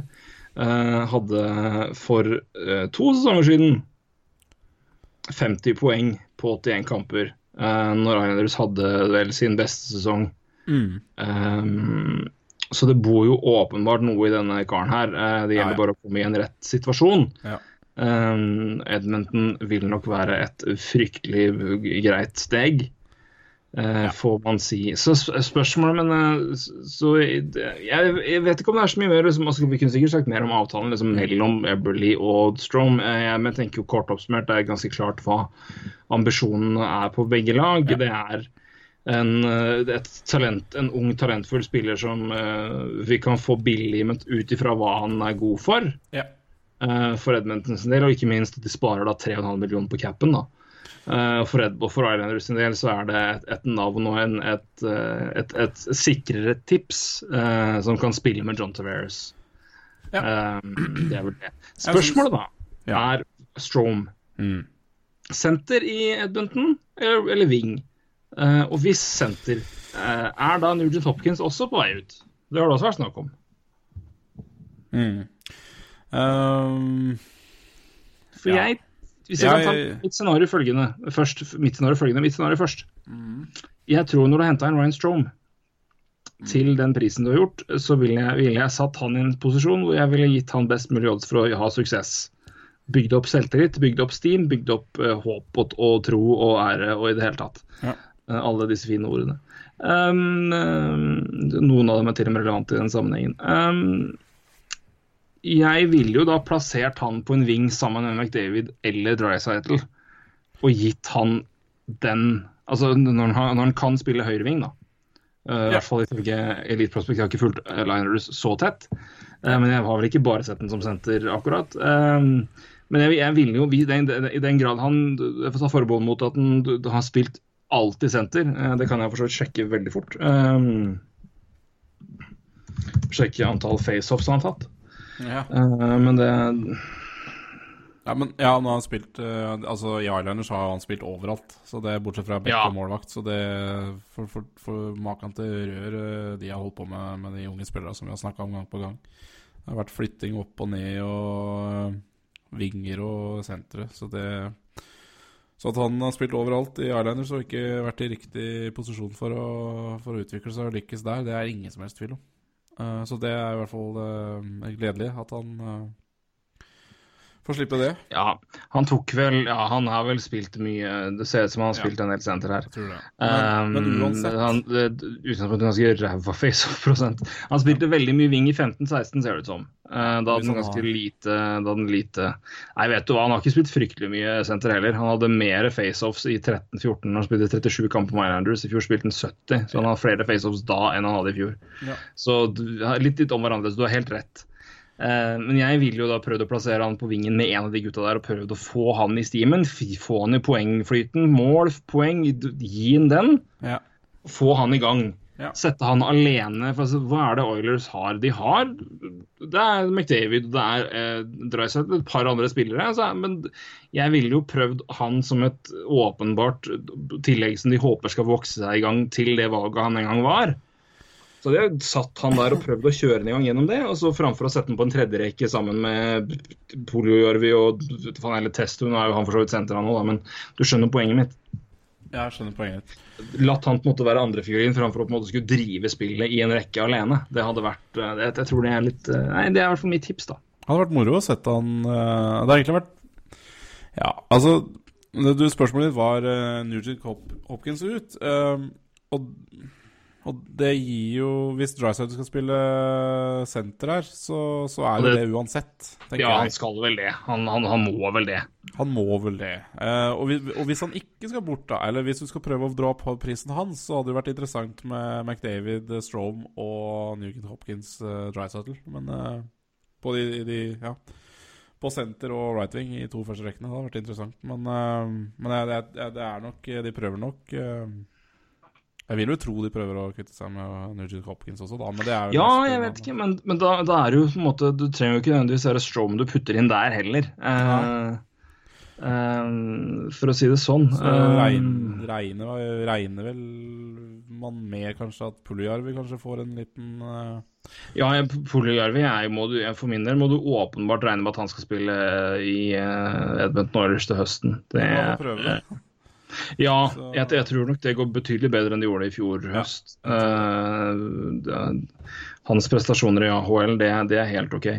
Um, ja, nei, jeg tenker jo det at det er interessant, men, eh, men det er jo en interessant debatt med tanke på hva, hva, hvor, my, hvor mye trigger Strome ved sin ankomst i Edmonton av videre moves. Det blir spennende å se.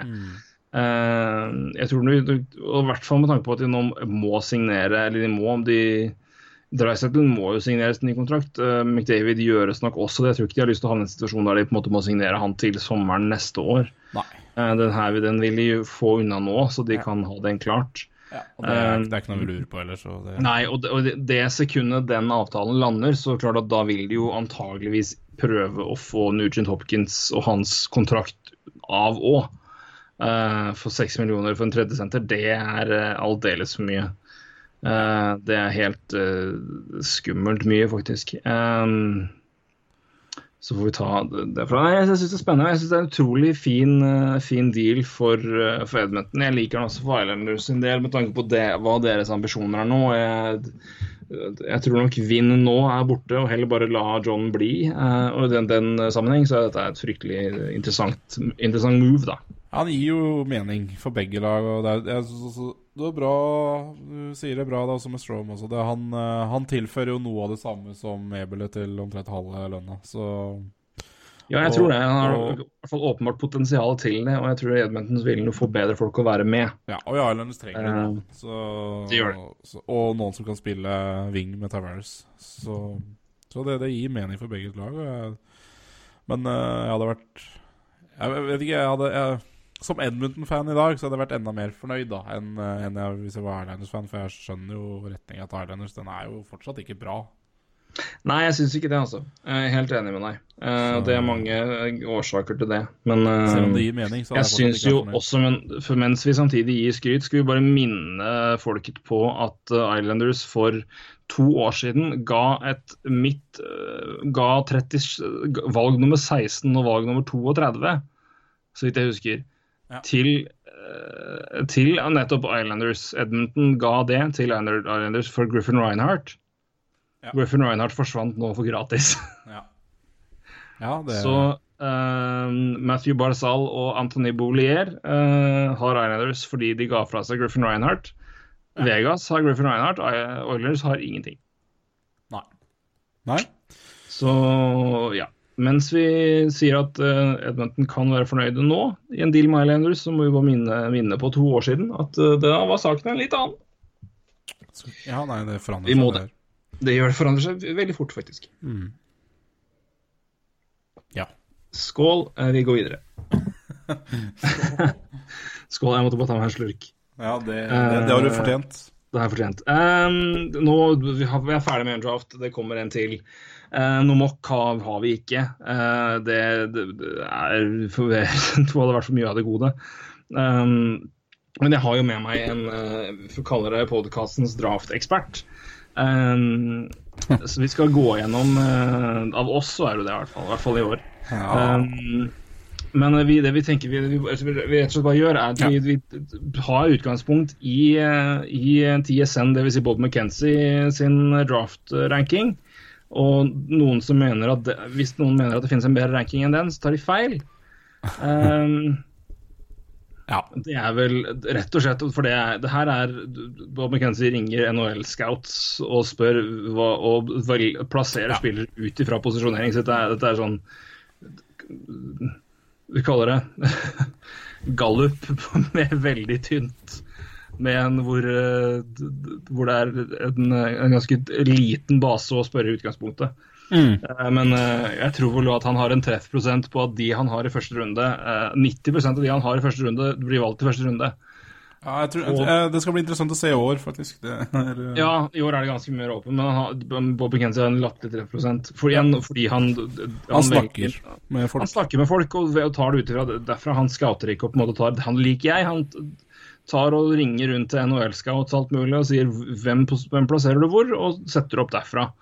Uh, og det er jo en smart måte å gjøre det på hvis du skal treffe ut fra hvilke lag som velger hvor. Det, det, Men, er eh, det er gøy nå. Jeg skal bare, skal bare Vi skulle ikke gjøre noe stort ut av det her, men det her er litt gøy. Fordi jeg, jeg, Ja. uh, jeg har ikke sett draft-trackingen til McKenzie, så det blir veldig interessant. Men jeg, jeg har en mock, men, men den, er ikke, den, er ikke, den er liksom ikke så gjennomførbart at jeg har lyst til å ta den. Men, men det skal bli interessant, da, faktisk. For jeg har ikke Ja. sett McKenzie, så her er moro. Det er gøy. Jeg, skal, jeg har et par drafthistorier her eh, som jeg skal Ja. finne. Eh, jeg må bare finne den, og Der, ja. Um, eh, det jeg tar det etterpå, men jeg har to historier apropos draften som jeg må ta, for de er så gøye. er så morsomme. Ja. Uh, vi runder av med de, tenker jeg. Uh. Men vi, vi begynner jo da med, med, de, med de to store. Eh, eh, McKenzie kaller det kanskje den tetteste kampen mellom 1-2 han har sett noensinne. Det dreier seg selvfølgelig om Nico Hirscher og eller Hirscher. Og eh, det er ikke noe S der. Eh, unnskyld, det er en S der, men det er ikke noe R der. Så å si Ja. Nico Hirscher er helt feil. Nico Hirscher Ja. er riktig. Nolan Patrick er også er den andre. Eh, han har dem rangert 1-2. eh, fordi scoutene Ti scouter spurt. eh, fem sa Hishier 1. Fire sa Patrick 1. Eh, Dermed Hishier foran Patrick i den draften her. Hishier lå på 16.-plass i draft-rankinga før sesongen begynte. På TSN er nå nummer én. Den klart største jumpen han har på de siste seks åra. Før det er det kun én spiller som har gått fra en annen posisjon enn nummer én før sesongen, som har vært ranka som nummer én.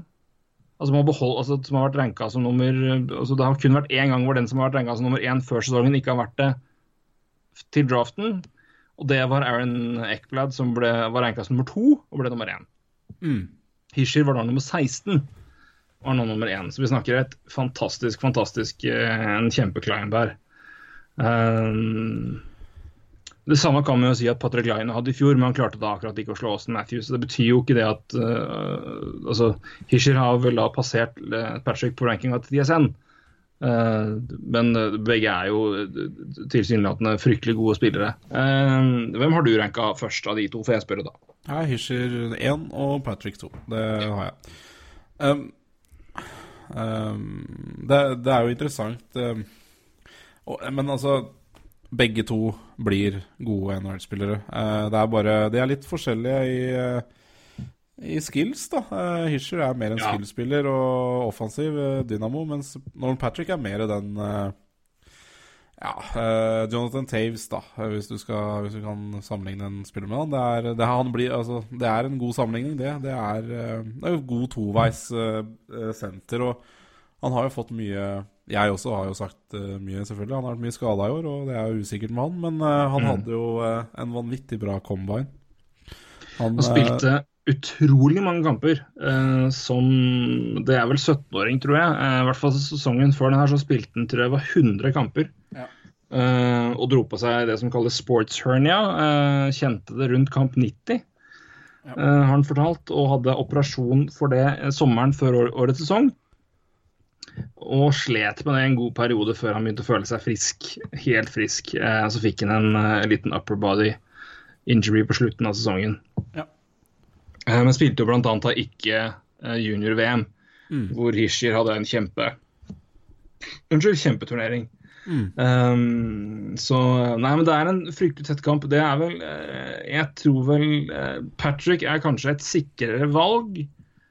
Ved at du vet hva du får. Hischer er usikkert med med tanke på at du vet ikke helt om han kommer til å være senter eller wing. Ja. Uh, Hischer er nok mer skilled, Patrick er mer komplett. Det er vel det, den uh, korte oppsummeringa jeg kan gi, i hvert fall. Ja, det, det tror jeg er riktig. Det er, det, er, det er en større oppside med Hischer, og så, så veit du hva du får i noen Patrick. Det er vel Ja da. Patrick, er, Patrick kan du sette i hvilken som helst situasjon, og han kommer til å gjøre ganske ålreit jobb for deg. Uh, ganske ålreit er en underdrivelse òg. 6'2, altså 6-2-2, altså litt over 1,80, da, eller 1,84 noe rundt der. Hischer er en inch lavere, Patrick er rundt 200 pund. Uh, hva blir det, 86 rundt der. Ja, det er Mattekunnskapene får du, får, du, får du skryt av, det har ikke jeg. Nei, jeg skal, jeg kan ta det veldig fort nå. Uh, hvis vi skal se på den biten der, da. Eh, nei da, 1,89 selvfølgelig på 6 1,89, det er jo tøys. Ja, det jeg tenkt feil tida. 1,89 eh, Patrick og 90 kilo eh, rundt der. Eh, Nico Hischer er et hakk mindre. Skal få det samme slengen. 1,84 og 81, så han er jo ikke noe liten kar, det heller. Men det er det med senterstørrelse da, og drive spillet derfra. Um, du har jo eksempelvis sett Mitch Marner. Han er jo ikke like Mitch Marner er- jo mindre enn Hischer, men eh, Marner var senter stort sett i junior og kom opp til NHL og var en wing eh, og klarte seg jo eh, mildt sagt helt fint der. Så det, ene, altså Posisjonen behøver ikke bety at det her er en eh, er en dum ting. Men Patrick er ranka foran på ganske mange rankinger. Ja, og det Men Hischer er også ranka foran på noen andre. Så det her er veldig veldig åpent, altså. For å si det mildt. mm, Det er det. Det, det er det absolutt. Nei, det er spennende. Det blir spennende å se hvem eh, Men jeg Jeg er veldig forberedt på at Nolan Patrick blir- Philadelphia Flyers-spiller. Eh, Jeg er det. Ja. Og det er jeg veldig veldig fornøyd med, uh, for å si det sånn. Jeg er veldig fornøyd med det. Claude Giroux, Nolan Patrick, Sean Couturier, det er uh, greie senter. Ja da. Så har du hva Filppel er på fjerde rekka. ja. Går an, Ja. det òg. Nei, men igjen, men det er en uh, Få Ja. se hvordan, hvordan det løses, da. Men det er, eh, det er jo ikke Det, det, det, hei, dette går an.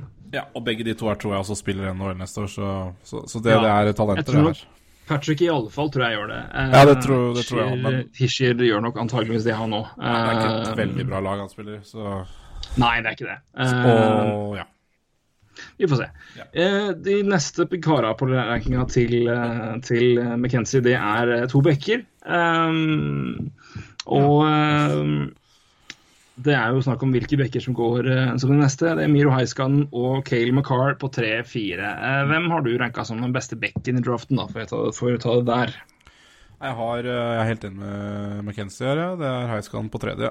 Så det eh, Jeg tenker det er jo Dalla som velger nummer tre, um, så Ja. Det her er, for ta det McKenzie har jo ikke noe ranking i forhold til lag, han har Nei. bare ranking ut fra Scout sine meninger. Så det her er jo okay, så er Ja, posisjonell rangering av talent framfor en mockdraft til bestemte lag, da. Ja, skjønner. Bare ja, det er klart. OK. Ja, det er, jo, det, det er jo litt forskjellig, kan du si, Ja.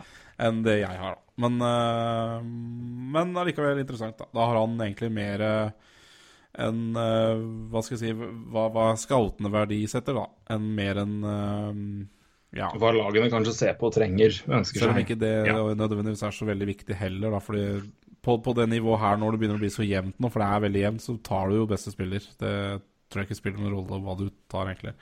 Men uansett, i Dallas så syns jeg det gir litt mening med Highscan. Jeg syns han er Jeg tror Cale McCarr, McCarr er jo en um, også en vanvittig spennende back, offensiv back. Rein offensiv back. Spiller vel i Mm. Alberta Han er for øvrig den, den gjør han det? eh, han, er, spiller- han, han spiller i en eh, ja, i hvert fall en liga under uh, CHL. Ja, det gjør Han han. gjør det. Eh, Men det er jo flere som har gjort. Det har klart seg helt fint. Uh, bare ta med det at Jeg nevnte jo at Hischer hadde fått fem stemmer som nummer én, og Patrick hadde fått fire. Den siste stemma til nummer én, som fra de ti scoutene uh, McKenzie hadde prata om her, uh, Cale McCarr hadde fått den. Uh, Kale McCarr har kanskje omtales som den spilleren med kanskje det, høy, med det største, altså høyeste taket. Et ekstremt potensial, men så er det det med hva han eh, faktisk blir, da. Uh, og som du sier, uh, konkurransen har vært så der.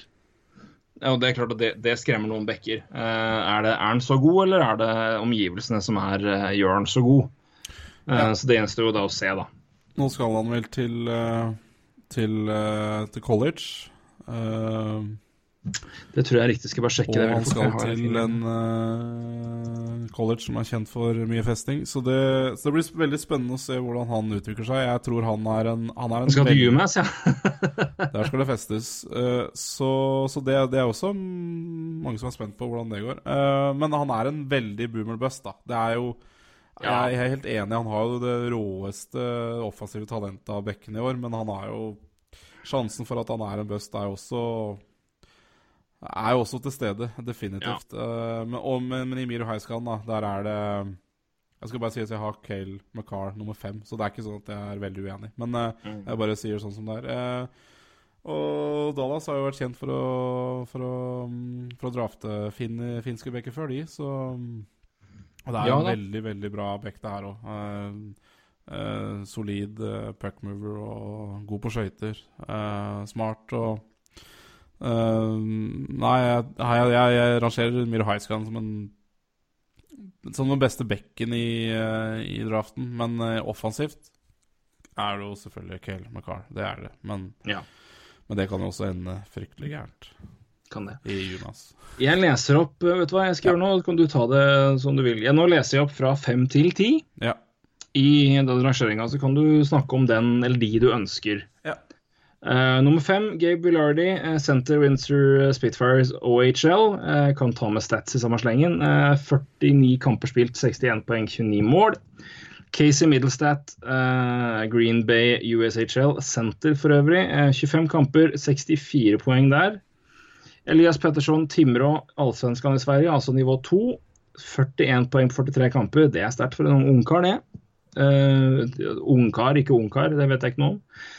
Eh, Nummer åtte, Cody Glass. Uh, mener du at han flaksa noe jævlig opp i rangeringene her? Eh, Portland eh, og Det er et eller annet Hawks, er det ikke det? I WHL. Uansett, senter er han. Eh, 94 poeng på 69 kamper eh, på Code Glass, altså. Nummer 9, Mikael Rasmussen, Rasmussen om du, om du vil. Senter på Tri-City i WHL. 55 poeng, 50 kamper, 32 mål. Og nummer 10, da, Owen Tippett, Mississauga Steelheads i OHL. Eh, Høyreving. Eh, tung satan, 6 fot, 200 pund. Kraftkar, dette her. 60 kamper, 75 poeng, 44 mål. Eh, av disse navnene her, er det som, eh, hvem er det du føler for å prate litt om? Det er der jeg er uenig med mange som sier at det her er en svak draft. For de Ja. spillere du snakker om her, er uh, um, Det er ikke det, det, det her er- kommer til å bli målskårere av, og diverse, altså. Uh, Ja da, vi Mikael kan Rasmussen kan jeg godt prate mye om. Jeg tror Ja, det er en tung faen. Det er en diger faen. Det er en tung faen. Han er to, som, to, meter, to meter høy omtrent. Ja, Og og er det? Ja. Eh, skyter bra, men, uh, men, uh, men har veldig mye påplay-poeng. Ja, 6,5 står han på her, 1,95, men hvis den er 6,6, så er vel det rundt, rundt 2 meter, 92 kilo. Ja, det er han er i hvert fall en diger, diger kar. Eh, 18 Eh, år, senter, Ja. og en scora 32 mål i WHL. Ja, Uh, mye av det i Powerplay. Det er, uh, det er en uh, Altså, se på fem mot fem-poeng, så, så, så hvis, hvis en spiller i junior har mye fem mot fem-poeng, så, så lover det bra. Er det mye Powerplay-poeng der, så skal du skal du passe deg litt. Jeg har ikke noe spesielt stor tro på den mannen. Men eh, jeg tror han kommer til å bli tatt høyt. Det tror jeg. Men eh, at det kan fort være en bom, det, det tror jeg. Eh, så, men det er en veldig spennende spiller sånn sett, da. Det er Ja. jo det er mye Men sånn du kan vel si at Det er vel litt mer offensiv oppside her enn i eksempelvis en Lawson Krause, som var eh, også en sånn fysisk ja. kaller det fysisk prospect for et par år siden. Vi har ennå ikke sett hva han kan få til. Jeg tror ikke han kommer til å være sånn han har vist seg så langt. For tror han har litt mer eh. Men eh, ja, nei, for det er liksom de fysiske altså, det, er, altså, det, er, det er veldig rart hvordan ting forandrer seg. Vi ser jo på de største spillerne og blir skremt fordi vi tenker jo hvordan altså, har du, Hvor mye har du passert på fysikk i juniorligaen? Framfor det når vi ser de minste gutta og tenker at her er det mye skill eh, og ferdigheter. Mm. Uh, ta det ti år tilbake, så er det, er det en litt annen sak. Ja, det er omvendt. Um, nå er det, det er omvendt. Um, nei, men Rasmussen er interessant, absolutt. Um, Cody Glass er jo et, et veldig spennende navn. Uh, en, en kar som har utvikla seg stort. Mm. Uh, som er uh, og Nei, jeg er enig med deg. Jeg syns det, det er feil å stemple det uten at jeg, jeg har gått dypt, dypt, dypt inn i graden her. Men jeg har jo sett eh, sett mye omtaler og sett litt også på, på spillere. og det er, eh, For meg er det Topp top to er betydelig, er ikke betydelig, men topp to er svakere enn de foregående årene, ja.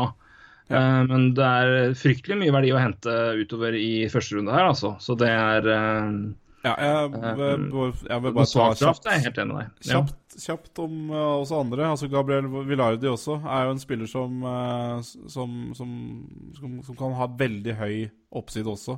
Ja, veldig bra fem mot fem-spiller, har jeg hørt rapporter om. Fryktelig fem Yes. mot fem-spiller. Senter. Ja. Mange som kommer til å godt, nytte godt av det, tipper jeg. Ja, det tror jeg. Og jeg mange. Ett lag kommer til å gjøre det. ja. Eh, sånn som jeg tipper, så tipper jeg han går til Colorado eh, som nummer fire, og det er jo glimrende valg der. Eh, Owen Tippet er jo eh, kanskje den Trenger ikke de bekker, da? Jo, det gjør kanskje det. Eh, jeg, men Det var jo det som var argumentet. Nå, jeg bare spør, jeg har jo sett, men jeg Argumentet for at det var en fordel for Avalanche å tape draftlotteri, var jo at ja, nå er de i en posisjon hvor de kan velge bekker med god samvittighet. ja, men når du ikke får Miro Highscan der, da for, Nei, Potensial til Kale McCarr, da, men det er jo klart at det er en diskusjon om på en måte hvor mye gambler du på han. og der er Det jo, det er godt mulig å være uenig om det. det jeg skjønner jo at du velger Gabe Lardy, som er jo en, en, en, en possession player, enn en det. Men, ja, men det er jo en, hvor, hvor mye er du villig til å riske på Kale McCarr? da? Det men det, det var vi inne på. Nei, jeg, jeg, bet- ja, så tenker jeg også at uh, and Villardi er et hakk opp. Altså, hvis du tar beste spillere her hele veien, uh, og så, så, så tror jeg de er hakk opp. Da. Så du velger i hvert fall beste spilleren hvis du tar Villardi nummer fire. Det er jeg ganske sikker på. Enn Cale McCarr, f.eks. Mm. Owen Tippett Gjenta, gjentar jeg igjen, jeg, jeg, jeg, tror jeg stoler fint på din vurdering. Jeg bare gjentar igjen da, Kayleigh McCarr var en av de som fikk nummer én-stemme i Scouts. Så det men det er det som er interessant med sånne spillere der. Det er fryktelig mye delte meninger om dem. For igjen, pga. nivået, det er jo uten, det er jo en kjempepotensial. Men igjen, du, du vet jo ikke, det er en boomer bust, da. Og det er jo det som er interessant. at, vi vet jo ikke, altså Det kan være La oss si at de tre første er kjempehøye på Kayleigh McCarr, men de har spillere foran. Ja. Neste fem lag kanskje sier nei, vet du hva, vi tør ikke. Nei. McCall kan jo rase ned til nummer ti og være tidenes back. Altså, Ja, ja. det, er det, er, det, er, det, er, det gøy med sånne spillere. De, for det er, det, er, det så enten-eller.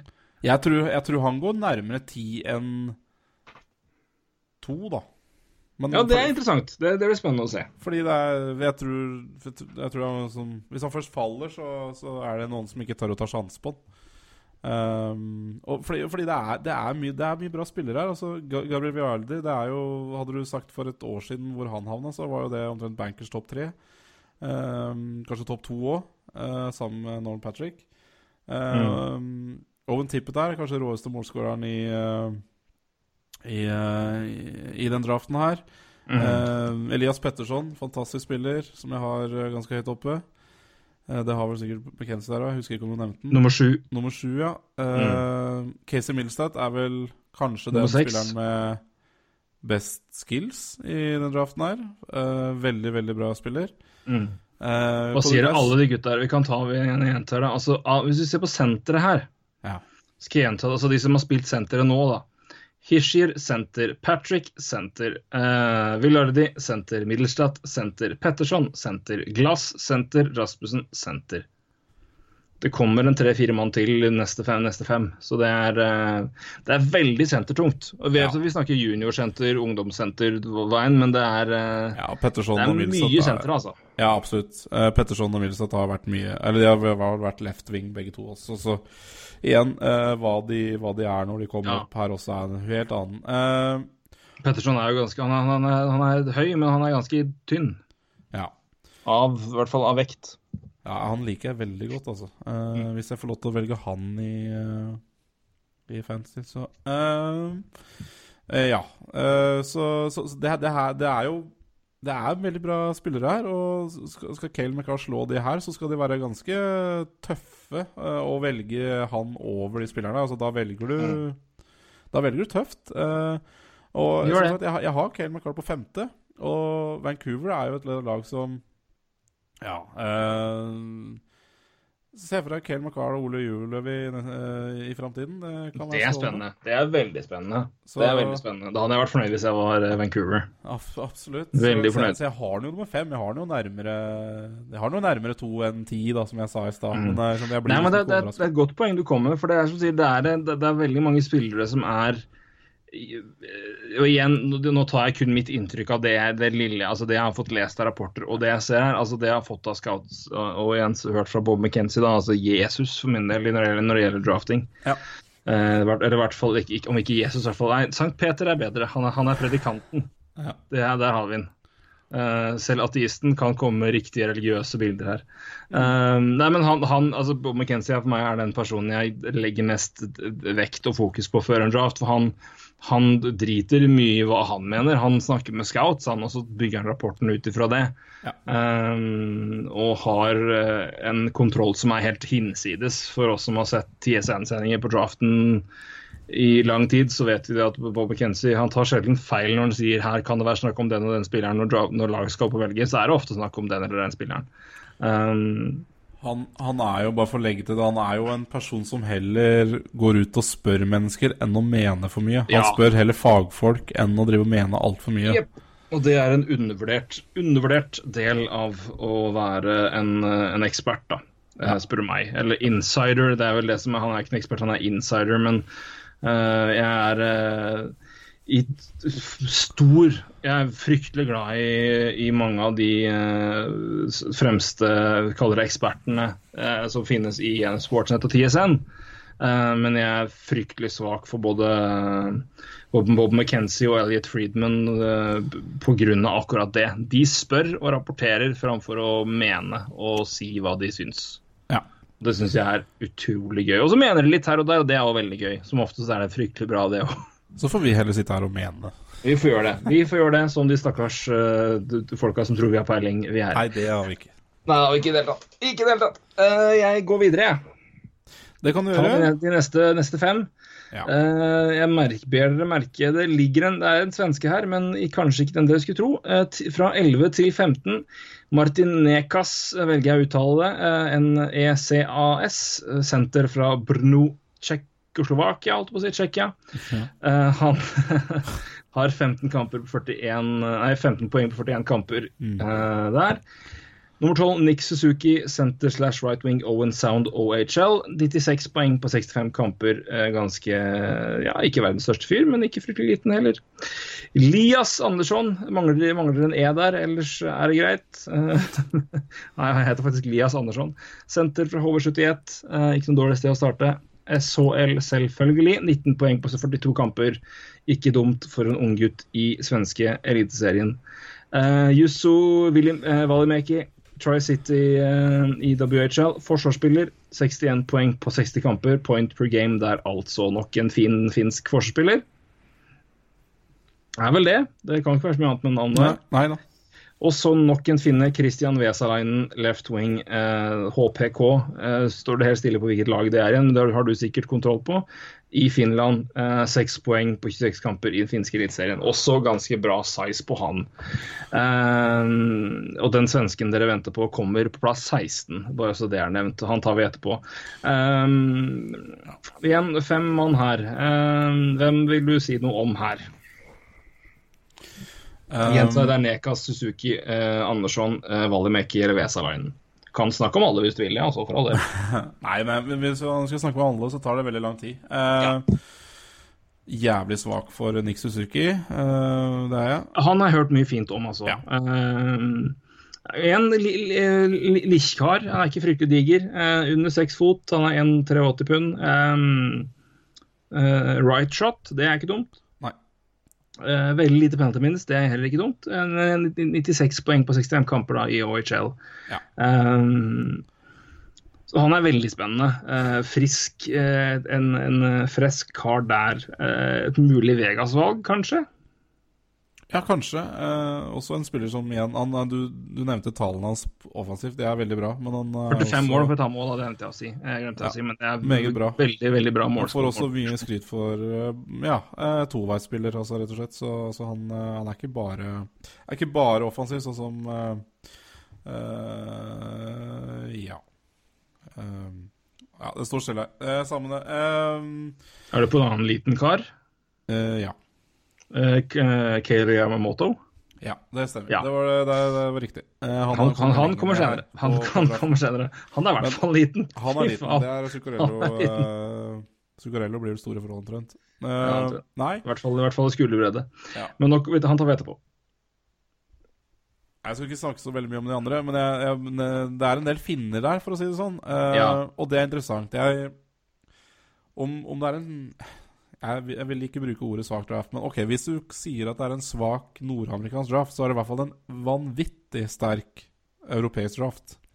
For der Ja. er det flust av finner, svensker Ja, det er tsjekker her, eh, du har nevnt. eh, ehm, eh, ja, det er en sveitser. eh, det kommer eh, Det kommer en tysk, tysker, ja. Eh, kommer en russer snart også, regner jeg med. eh, som kanskje jeg i hvert fall ganske, har ganske mye høyere.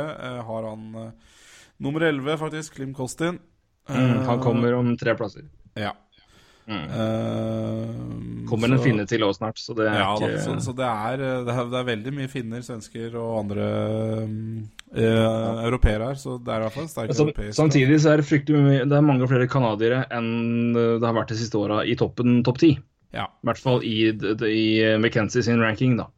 ja. Så det er, det er veldig Det er, det er, godt Canada er godt representert her i Ja. toppen. Eh, men som du sier, det er, det er, det er godt eh, Det er veldig, veldig Det er veldig mye europeisk når du, kommer, når du samler det sammen etter, liksom, etter 31 valg. I hvert fall i rankingen her, og sikkert også din, så er det mye, mye europeisk, altså. ja. Uh, nei, nei, det er ikke så veldig mye å si om det. Tsjekkeren også, Nekas eller Netskas, eller hvordan du skal uttale det, også virker jo uh, Virker også veldig spennende og kanskje litt uh, undervurdert i forhold til kanskje ganske liten. Han er ikke så liten, men han er, fryktelig, han er også veldig sped. Da. Han må vokse ut fryktelig. Ja. Uh, han er noen, noen kilo for lett, men Ja. eh, han får vel antageligvis godt med tid. Ja. Men uh, Men han spiller jo da spilt, spiller vel ikke i, har vel ikke spilt i Nord-Amerika ennå. Så det, det Nei, han spiller, veldig, han, han spiller i Tsjekkia. ja, så det blir også veldig spennende hva han eh, velger å gjøre nå. Om han reiser over for å spille uh, juniorhockey i, eh, Nord-Amerika, eller om han blir i Tsjekkia og spiller proff. Det eh, Det er jo veldig spennende hvordan vei han tar. Eh, men det er klart, uansett Blir han i, blir han i Europa og spiller, spiller eh, profesjonelt, så vokser han vel fort, regner jeg med. Forresten, dette har jeg helt glemt å sjekke, men nå kommer jeg bare på noe. Hva skjedde egentlig med om det er CHL eller OHL-draften? Har du fått sett på det? CHL import-draften? Nei, men det er vel ikke ennå, eller? Er det ikke det? Er ikke det Var det senere? Det er det senere. ikke det 27. eller noe sånt? Stemmer det, det var da det var. Den skal vi følge med på. Ja. Det er spennende. Men den, den tar vi da. Det er spennende for, for vår del, holdt jeg på å si. Eh, med tanke på eh, Mathias Emilio. Ja, spennende det også. Det er Spennende det. Så men den, den, den tar vi da. Ja. Eh, nei, men vi har snakka nok om de. Da tar Ja, vi vi videre til altså. neste, neste folkene her. Da er det jo en russer du skal få snakke litt om. Så skal vi også selvfølgelig nevne litt om nummer 16, Timothy Lillegren. Som har eh, falt fra nummer to før sesongen til 16. De har sine forklaringer, vi skal touche inn på det. 17, uh, Eli Toilvanen fra CO City i USHL. Eh, høyreving han. Eh, Timothy Lillegren for øvrig spiller for Røgle i Sverige. Uh, det er vel Er det Swedish Hockey League, tror du? Ja. Det er vel det. I 19 kamper, 5 poeng. Mista mye av sesongen pga. sykdom, rett og slett-. Eh, 12 vann eh, USHL over point per game. 40, 54 poeng på 52 kamper. Eh, Klim Kostin, som du har nevnt, høyreving fra eh, CSKA Moskva, er det vel? KHL. Ålreit size på den mannen der. Ni kamper i KHL, ett mål og ett poeng. Uh, så nummer 19, Ryan Poling. uh, St. Cloud State uh, College. NCAA 13 poeng 53, på 53, sier jeg, 35 kamper. Mm. Og nummer 20, Cal Foot eh, Kelowna i eh, WHL Beck. Eh, bra size på den karen der. eh, rundt eh, min høyde. eh, litt lettere, heldigvis for han, men 57 poeng på 71 kamper. Ja. Eh, du kan få begynne med Klim Kostin, da, siden du har tisa litt. Du har nummer 11 i din ranking, i din mock. da. Eh, hvorfor har du rangert Klim Kostin såpass høyt? Uh, ja, litt uh, der, der er det jo igjen litt uh, hvilket lag som drafter det. Det er, det er Kings som drafter nummer 11. Og jeg bare Jeg føler også han, han uh, har det nivået til å være så høyt oppe også. Det er uh, også var- har det vært en del skada i år, som jeg har skjønt. Uh, han uh, har i tillegg også sagt at han kommer til å reise til uh, Nord- Nord-Amerika neste sesong, så nei, det er ikke noe sånn Det er ikke noen Gosev-takter der. Der, er det, der skal det spilles i, i Nord-Amerika, det også er bra. Ja, er jo svær, som du allerede sier, og skal vel ha et bra skill-level, så jeg har litt troa på, på at han eh, Men ser vi mer enn mer av det nå? At eh, flere unge russere drar over? Jeg, German Rubtsov eh, fikk jo sin kontrakt terminert og dro til, dro til Q. Ja. Altså Flyer Flyers Center, og en av de fremste unge russiske sentre i fjor, fjorårets kull. Ja, Unnskyld? altså, Um, er det litt lettere å dra over nå? Vi ser jo Sergachev har spilt i, i Det er flere russere som drar til Canada og spiller juniorhockey. Er det Ser vi en, en større trend av at unge russere drar over tidligere? ah, Sorry, jeg måtte skru, skru på mute her og hoste litt. Uh, Ja, det er lov, det. Men du hørte, du hørte spørsmålet. i hvert fall. Det var det, det er det viktigste. Ja, jeg ehm, det, er, det er vel eh, Det er vel i tiden, eh, kanskje, for russerne å reise over generelt. Når vi ser også at de eldre gjør det, så, så gjør vel kanskje de yngre det òg. Men uh, ja. ja. Ja, jeg kan si ja, da. Men, Ja. men det er ikke noe, jeg har ikke noe tall bak det. Men, eh, men, Nei, jeg bare spør om du deler, er om du deler, om du deler inntrykket mitt. At det, det er liksom litt, litt saken nå. Ja, jeg synes det, Eh, det, det gir jo mening også. Det Mm. går dårligere for det landet. Eh, nok om Klim, eller har du noe mer å si? Nei da, jeg bare Det blir Ja, liksom litt, litt mindre kult med, med tjukk L. Ja, absolutt. Klim Kostin og Klim. Klim, det er liksom litt mer Nei, han, nå syns jeg Klim er ganske dårlig, ass. Det er ikke Nei, Jeg har litt troa på han, og jeg har litt uh, troa på at det er en sånn Kings-type spiller også. Uh, Ja. Har fysikken og, og, og passer kanskje bra i uh, på vestkysten uh, av eh, USA. Det er ikke noe mer vurdering enn bak det. Altså. Jeg, eh, jeg, er ikke, jeg er ikke Gordon McKenzie, men jeg har mine tanker. Ikke sant. Um, Timothy Lillegren uh, var jo høyt rangert før sesongen. Så fikk han uh, monoklose, eller som uh, vi fleste kjenner det, kyssesjuken. Uh, og for de som- oss som har hatt det, så kan du jo skjønne at det har vært en, et helvete å spille hockey med. Ja. Har jo da mista masse kamper og heller ikke vært i toppslag under sesongen. Um, Lillegren på den 16. her, da får jeg begynne. Hvor har du han, da? Uh, nei, jeg har han, uh, jeg har han litt nedover her. Altså. Jeg har han faktisk litt eh, Jeg har den på tidlig 20-tallet. Jeg har ikke helt bestemt meg Såpass, ja. Ja, jeg har det. Jeg, Han ser jeg jo flakke alt fra 8-9 til seint, til som sier, rundt 20. ja. Det er jo også et sånn gamble, men altså, når man legger sjukdom inn i bildet her, det er jo et potensielt kjempestil. Jeg får litt sånne der vibber mot uh, Jacob Chichun her, altså. Altså gikk uh, Falt på rankingen i fjor. eh, Men Chichun var jo av andre årsaker. altså Hvis du kan peke på sykdommen, så er jo det da har du på en måte, det er jo ikke din skyld. altså Chichun var Nei. jo ikke sjuk. Nei, men eh, jeg tror ikke, jeg tror ikke NHL Altså, jeg, om, om det er sykdom eller ei, det er mange spillere som faller pga. skader og sykdom. Eh, eh, men ja, nei eh, det, det, Altså, ja, han kan godt gå mye høyere enn enn 20, altså. Det, det tror jeg, men uh, Eller mye Ja, høyere. Han kan han gå alt meg- til 20, og det, det, Ja, han, er meg, han er liksom draftens dark horse for meg. Jeg aner ikke hvor Timothy Lillegren går. Nei. Fra og med valg ja, nesten fem-seks, altså. Ja. Jeg er jo eksempel en som ikke har nevnt i den uh, rekka di nå, da. Jeg er eksempel mm, Hadde vært mye mer sikre på å ha valgt en eh, En som jeg mener er kanskje draftens mest undervurderte spiller, Erik Brennstrøm. Uh, som jeg har uh, kanskje rundt de tallene til uh, Han dukker opp helt, helt til slutt slutt her. Han er nummer 16. Ja, Han Så- kommer 13 år senere her. Veldig, veldig sansen for han. Eh, Mm. En corsi gutt ut av eh, det ville, og eh, ja, og som også har gått eh, Han var vel kanskje projecta andre-tredje runde før sesongen, og nå etter bl.a. sterkt, uh, sterke junior-VM-er, det var U18 i fjor han eh, var veldig bra, så, så, så har han bare rast oppover rankingen. Så Mm. han er veldig Klim, Klim Kostin har vel også gjort det, så vidt jeg husker. Har han ikke ja, det? Jo. Klatra veldig. Ja. Eh, neste fem, skal vi ta det? Eller har du noe mer å si? Nei, eh, det. altså Det, Nei, da det, er, det er interessant med Lillegren, jeg er helt enig. Og jeg, han kommer jeg til å bomme stygt på. Ja, det, det Ellers så treffer du. Det er, vi, det, er, det, er det er det som er clouet. Det, vi aner jo ikke. Det er Nei, det som er morsomt. Det er, Det er litt det som er spesielt, at det er, det er et helvete å mokke dette her. ja, det For er, håpløst. det er veldig tight. Det er veldig tight uh, Det er veldig veldig mye preferanser når det gjelder spillere uh, her, framfor liksom nivåer. Ja. Og så Erik Brennstrøm, da, som jeg har nummer 16, han kan jo gå som nummer 29, liksom. Det er fordi Ja, og det er der det, det er der, og igjen, som jeg sa, det var der han var ranka av.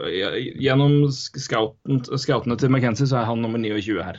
Ok, kult. Ja. Ja, det, og det kan Ja. godt være. Uh, det kan godt være, altså. Men jeg er bare Jeg er høy på. Og nå, ja. Det er bra. Du har røyka litt, Erik. Det er fint, det. Um, litt weed joke må vi ha. Ja. Uh, vi tar fra 21 til 25. Uh, Rob Thomas sendte London Nights point per game blank. Eh, 66 poeng på 66 kamper.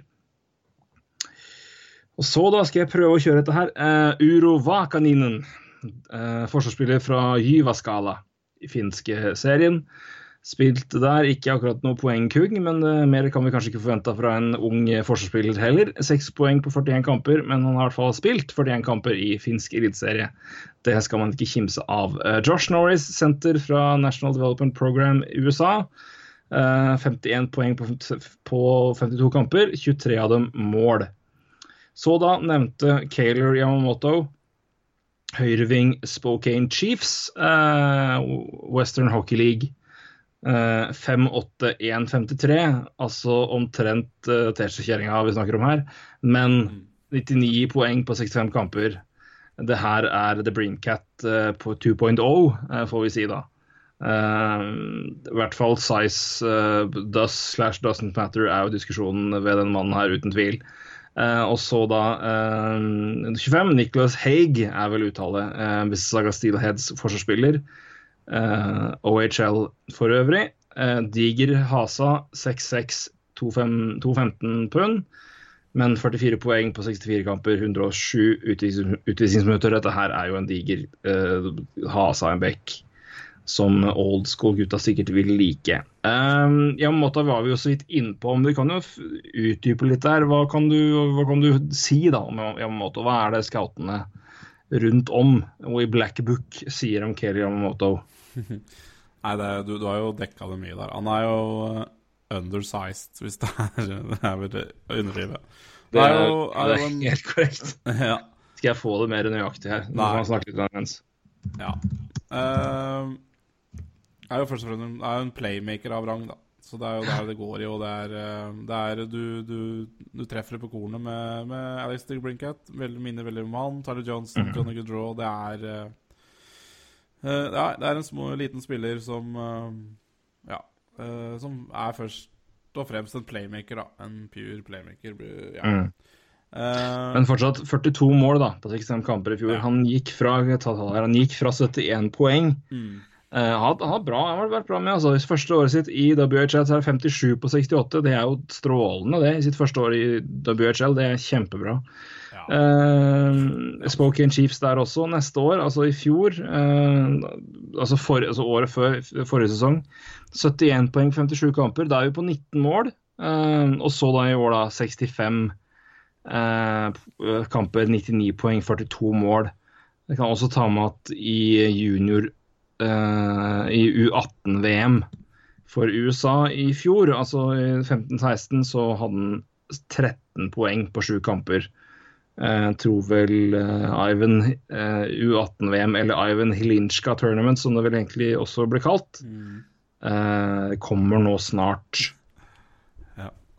Så den er blitt, den er ikke blitt spilt ennå, så det er ikke de samme de tallene for året som er, Den turneringen er ikke, blitt spilt ennå, så vi har ikke tallene for den. Nei. Men uh, han flyr jo mellom 17 og 36 på de rankingene jeg ser her. 15 fra Future Considerations.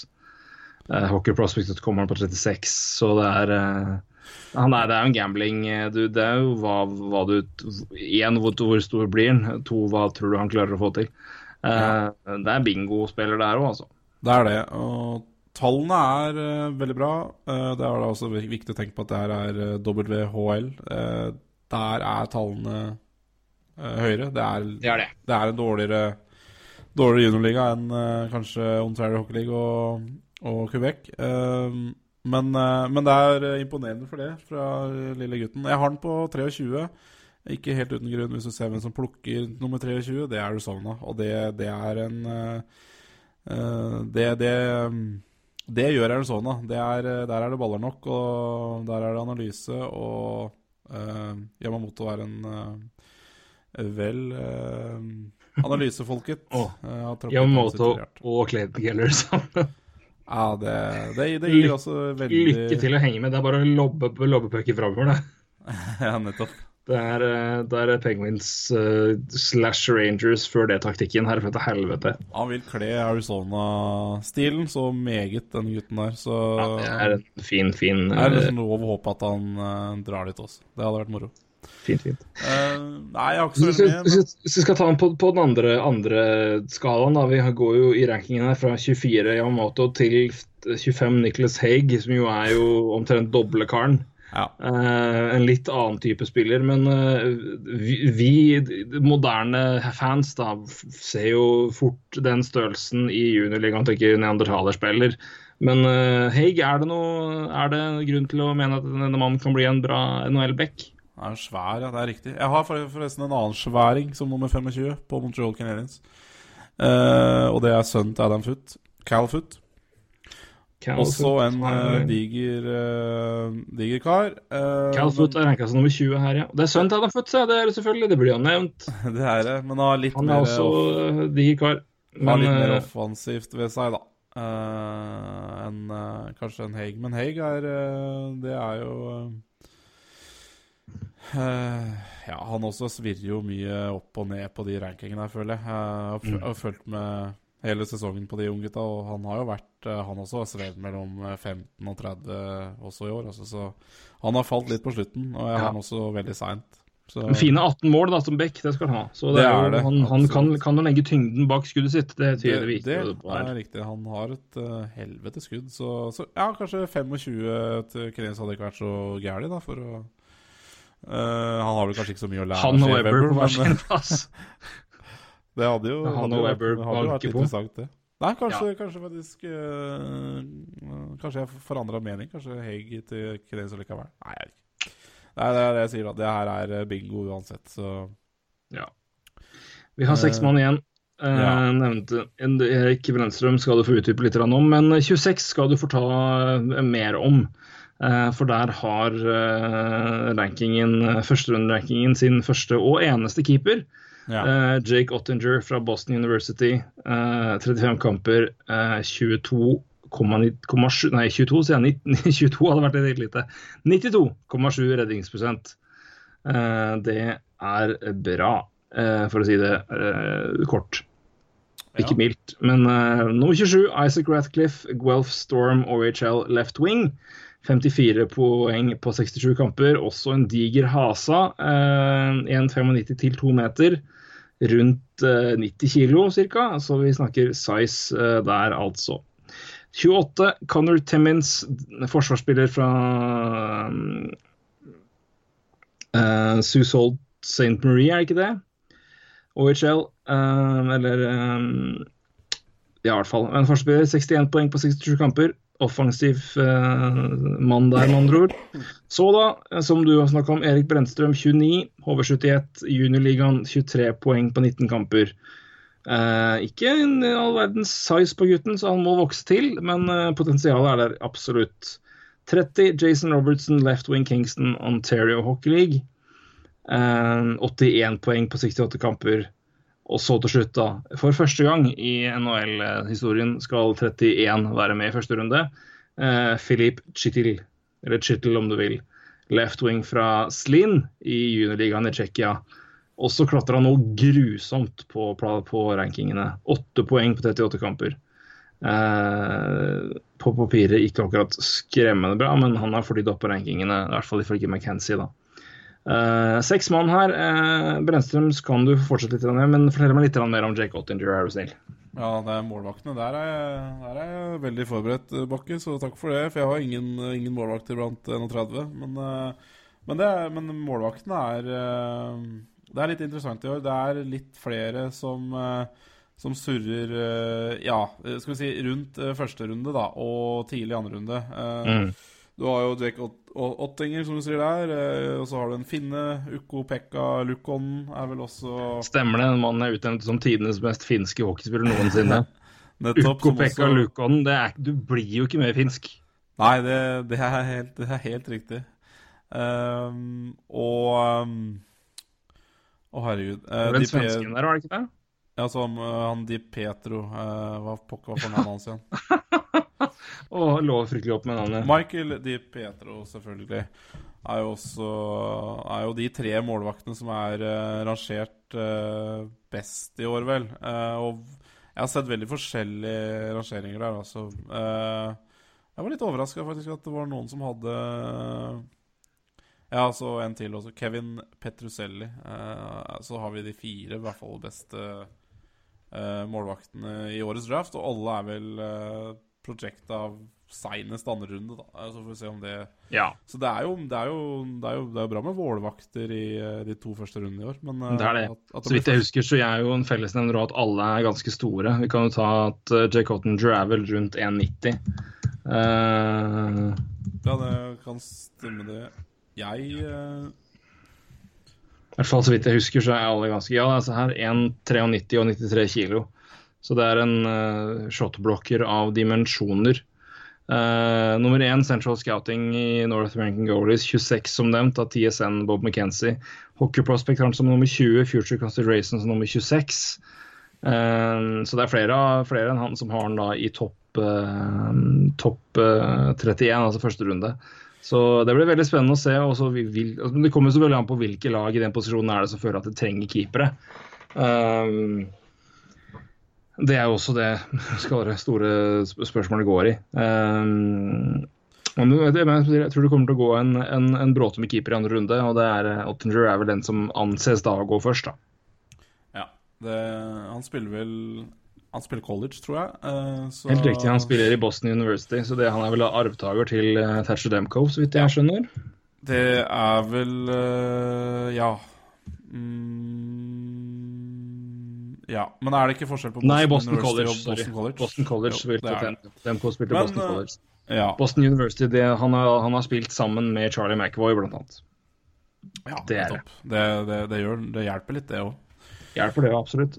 Nei, det, det er Eh, målet å ha. Jeg har eh, eneste det, det, det er bare en skokk av dem, men de er ganske bra. Altså, jeg tenker eh, også han Finnen eh, med det glimrende navnet også er jo, er jo Ser jo også brukbar ut, altså. elsker det navnet.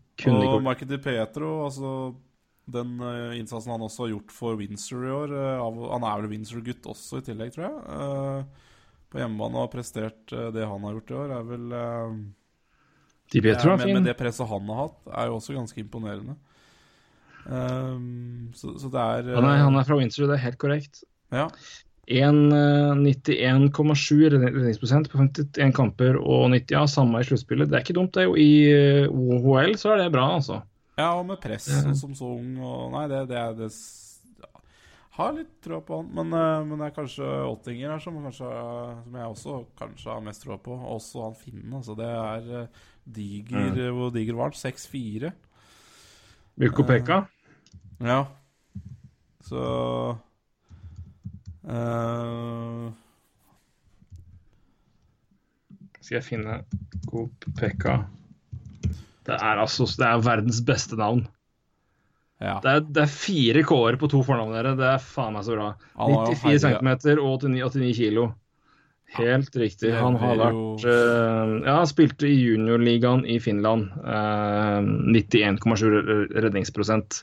Ja, når det er så Stor, eh, svær å spille junior i film. Ja, han dekker for meg hele målet. Ja, det er jo det er umulig å score der. Nei, men, eh, men det er litt spennende. Ukopeka Lukon, det er så bra. Altså. Jeg kan kunne hørt navnet hans på repeat. Skal vi høre her nå? Ukko-Pekka Luukkonen. Det er jo så fint. Ja, det, det, er, det er finsk, rett og slett. Det, det, det, vi er- det vi er vitne til her. Eh. Det er mer finsk enn Sisu, det der. Det er, og, og Bastu. Ja. Det er Nei. Sisu, Bastu og Ukko-Pekka. Det er det vi, det er tri, den finske trioen vi alle vil ha fra nå av. Ja, det er vakkert. Det er vakkert. Nei, men Det er interessant på målvakter. Jeg har ikke så veldig mye mer å si om uh, Ottinger, men at det er en bra målvaktsklasse i år, er jo Det er det jo, eller i hvert fall uh, det er Kanskje ikke den store den store toppmålvakten, men det er flere i, da, i andre runde. Og det er jo eh, Det er jo bedre enn vi har sett på noen år, vel. Ja, det røk en del i fjor. Eh, det var så mange, men det var vel en, en del eh, som gikk i fjor der. Eh, noen få, i hvert fall. I hvert fall to, kanskje tre. Eh, da var det vel Carter Hart først, og så Tyler Parsons til Flames, blant annet. Eh, så gikk det vel et par etter det. Uh, men nei, men det, det er spennende som sier. Det er noen, uh, det er noen som kan være med å kile helt. Og uh, Felix Sandstrøm Ja. var det vel. Thailanders gikk også i andre runde. Så um, Nei, vi hadde en del å, å kikke på der. Um, vi har også noen å kikke på nå. Uh, Brennstrøm, du snakka så vidt om det. Vil du si noen linjer til før vi gir oss? Ja, nei, jeg tror eh, Tror det er eh, Han er ikke så stor som du sier, men, eh, men, eh, men spilte jo da Fikk jo da 35 kamper i eh, SHL i år. Mm, gjorde du Seks det? poeng der. etter for, for så vidt å ha Hva skal jeg si Bare ja, han er han har herja så mye junior i Sverige at det er det, det, Han er rett og slett bare Ja, Det var ikke noe motstand der, så han fikk jo spille SHL og gjorde seg ikke bort. Seks poeng i, og 35 kamper i SHL på den eh, alderen han har, og, og Ja, da, plu- størrelsen. Pluss ti, om man vil se litt på det. Ja, nydelig. Eh, var jo da Ja, han spilte jo da U, U18 i fjor, vel, og var underaged. Og gjorde det også bra der. Det Ja da. Veldig, han, veldig bra. Så, så han, er vel, han er vel en spiller som har gått under radaren til scoutene, men som de nå har, uh, har oppdaga for fullt. Og jeg tror uh, han er uh, meget god med puck og er en meget Altså moderne back. Jeg tror, tror, det her kan være en av de Altså Når vi ser tilbake på den draften her Jeg eh, blir ikke overraska om det er den spilleren som uh, kanskje utmerker seg mest fra den draften her. Og det, det, er jo Det er en sjanse, men det er jo det er, det er moro å lese om. ham. Jeg ser også noen videoer av ham. Det er uh, Han er ganske I hvert fall når du ser Når han spiller, når han spiller på juniornivå, da. Uh, ser han litt klipp fra VM og U18 og sånn og fra svensk uh, juniorhockey. Han er, uh, det er, uh, det er Han er helt overlegen. Og mm. Nei er Jeg vet ikke om Det er vel kanskje ikke noen ny Erik Karlsson, men det er kanskje ikke langt unna heller. Syns det er en fin måte å runde av årets prat på. Ja. Her har vi ulvens spådom om 2017s store mann. Jeg kommer, kommer, til å bite meg hardt. Uh, der, men, uh, jeg, er store ja. orda, jeg vet Jeg er ikke Bob McKenzie, jeg, jeg. Dette her er bare synsing. Nei, men eh, Jeg takker for din ekspertise og din, din, input der på draften. Jeg takker igjen for praten. Det er som alltid kjempestas neste gang vi skal prates. Vi skal kanskje ta en podkast før det òg, men vi skal jo drikke om en uke. Det blir fint. Ja, vi må jo Vi skal vel prøve å runde av sesongen med, med, med, litt drikking og Det er 1. juli vi skal drikke litt. Følge litt med på free agent uh, uh, Kaoset som starter da. Kaoset? Det er, det er bare å begynne. Det er her klokka, er seks. Vi finner vel på et eller annet gøy. Vi må finne en eller annen måte å livestreame på, eller noe sånt noe. Det skal vi klare. Det får vi til. Uh, det blir gøy. Så vi skal selvfølgelig følge, mm, følge sendinger på, på, TV og følge deg. Vi skal følge deg på Twitter, og vi sitter og, og skravler litt underveis. Eh, som vi jo garantert gjør uansett. Men eh, vi tenker jo det at vi vil jo gjøre det sånn at dere kan henge med og, og prate. Eh, og sende inn tanker, spørsmål. Eh, så vi, vi, alle kan dele den dagen sammen. Så kumbaya som vi kan. Um, nei, men Det blir strålende. Det gleder jeg meg veldig til. det altså. Og som sagt, Vi prøver vi skal uh, se på måter å, å, få noe streaming, så dere kan, uh, vi alle kan uh, følge Deadline Day. Deadline Day er skjedd, men Free Agent Frenzy sammen. Ja. Um, tror du vi får noen kontrakter som skrives den dagen, eller? Ganske mange, tror jeg. Ja, altså, type, type, forlengelser, altså type neste år, altså Tavares, Price uh, Jeg tror vel kanskje Price tror jeg er beste oddsen. Er vel ganske backers. Ja, jeg tror Price er nok den beste oddsen vi har der. Jeg, jeg tror ikke Tavares, jeg tror ikke McDavid. Uh, jeg tror det er for tidlig. Ja. Jeg tror uh, det, det, det, skal skje Det skal skje ganske mye. Um, skal så komme en annen påstand. Det er jævla dumt å legge kontraktsforlengelse med de tre gutta der egentlig til 1. juli. De fortjener sin egen dag. Ja, de gjør det. Uh, det er helt korrekt. uh, sånn sett. Men, eh, men jeg, tror, jeg, tror, for det første at lag er såpass opptatt med det de driver med, at de å begynne å kjøre en full runde på liksom, å lande det den dagen der, det er på en måte mer symboleffekt enn det er uh, enn det er uh, kaller det effekt. Altså effekt at det har noe å si. Ja. Så um, Nei, jeg, jeg, jeg, jeg, tror ikke det. Men altså, signeringer blir det, blir det nok av. Og jeg tror, men jeg tipper jo den, altså, Hvis vi skal tippe hvem som går først av de, så tipper jeg Keri Price. Eh, det tror jeg. Ja, det tror jeg òg. Det er vel Ja, ja. ja. Jo, jo da, jeg tror uansett alle tre Uh, forlenger vel uh, i løpet av sommeren. Det bør jo. Så. Eller, ja, er, det, og er, er, det en som drøyer, så er det Severus tror jeg nok er den som drøyer, hvis det er noen som gjør det. Ja, da er jeg helt enig. Det blir spennende. Det er jo en ekstra dimensjon, det òg. Absolutt. absolutt. Vi venter spent på nye flere trades. Uh, det er bare å følge med på uh, Sportsnats, Puckdaddy, TSN. Følge med på uh, NHL-nyheter-lista til Ulvemoen på Twitter. Den er helt nydelig. Der er det de fleste navn, eh, seriøse og useriøse, holdt jeg på å si, som følger NHL. Men uh, der kommer det alle nyhetene dere skulle måtte ønske. Ikke Ekelund. Ikke Ekelund. Uh, det er helt riktig. Uh, Holdt på å si heller ikke NHL Norge. det, Eh, jeg Det var ufor- det- det- var det er ufortjent ufin, eh, ufin den. Jeg bare registrerer at det har vært litt rare rykter her innimellom. Men uh, han skal ha for, uh, skal ha for å faktisk eh, oppdatere Oppdatere. Oppdatere bra, da. ja da, vi Så- det heder og heder ære for det. mer Bare, nei, jeg sa det mer på tøys nå, men det er eh, alle som jobber for å gi nytt til folket der ute eh, på Twitter og ellers, det, det applauderer vi. Så vi, jeg skal være, skal være mild, mild og god og, og snill med, med sånne.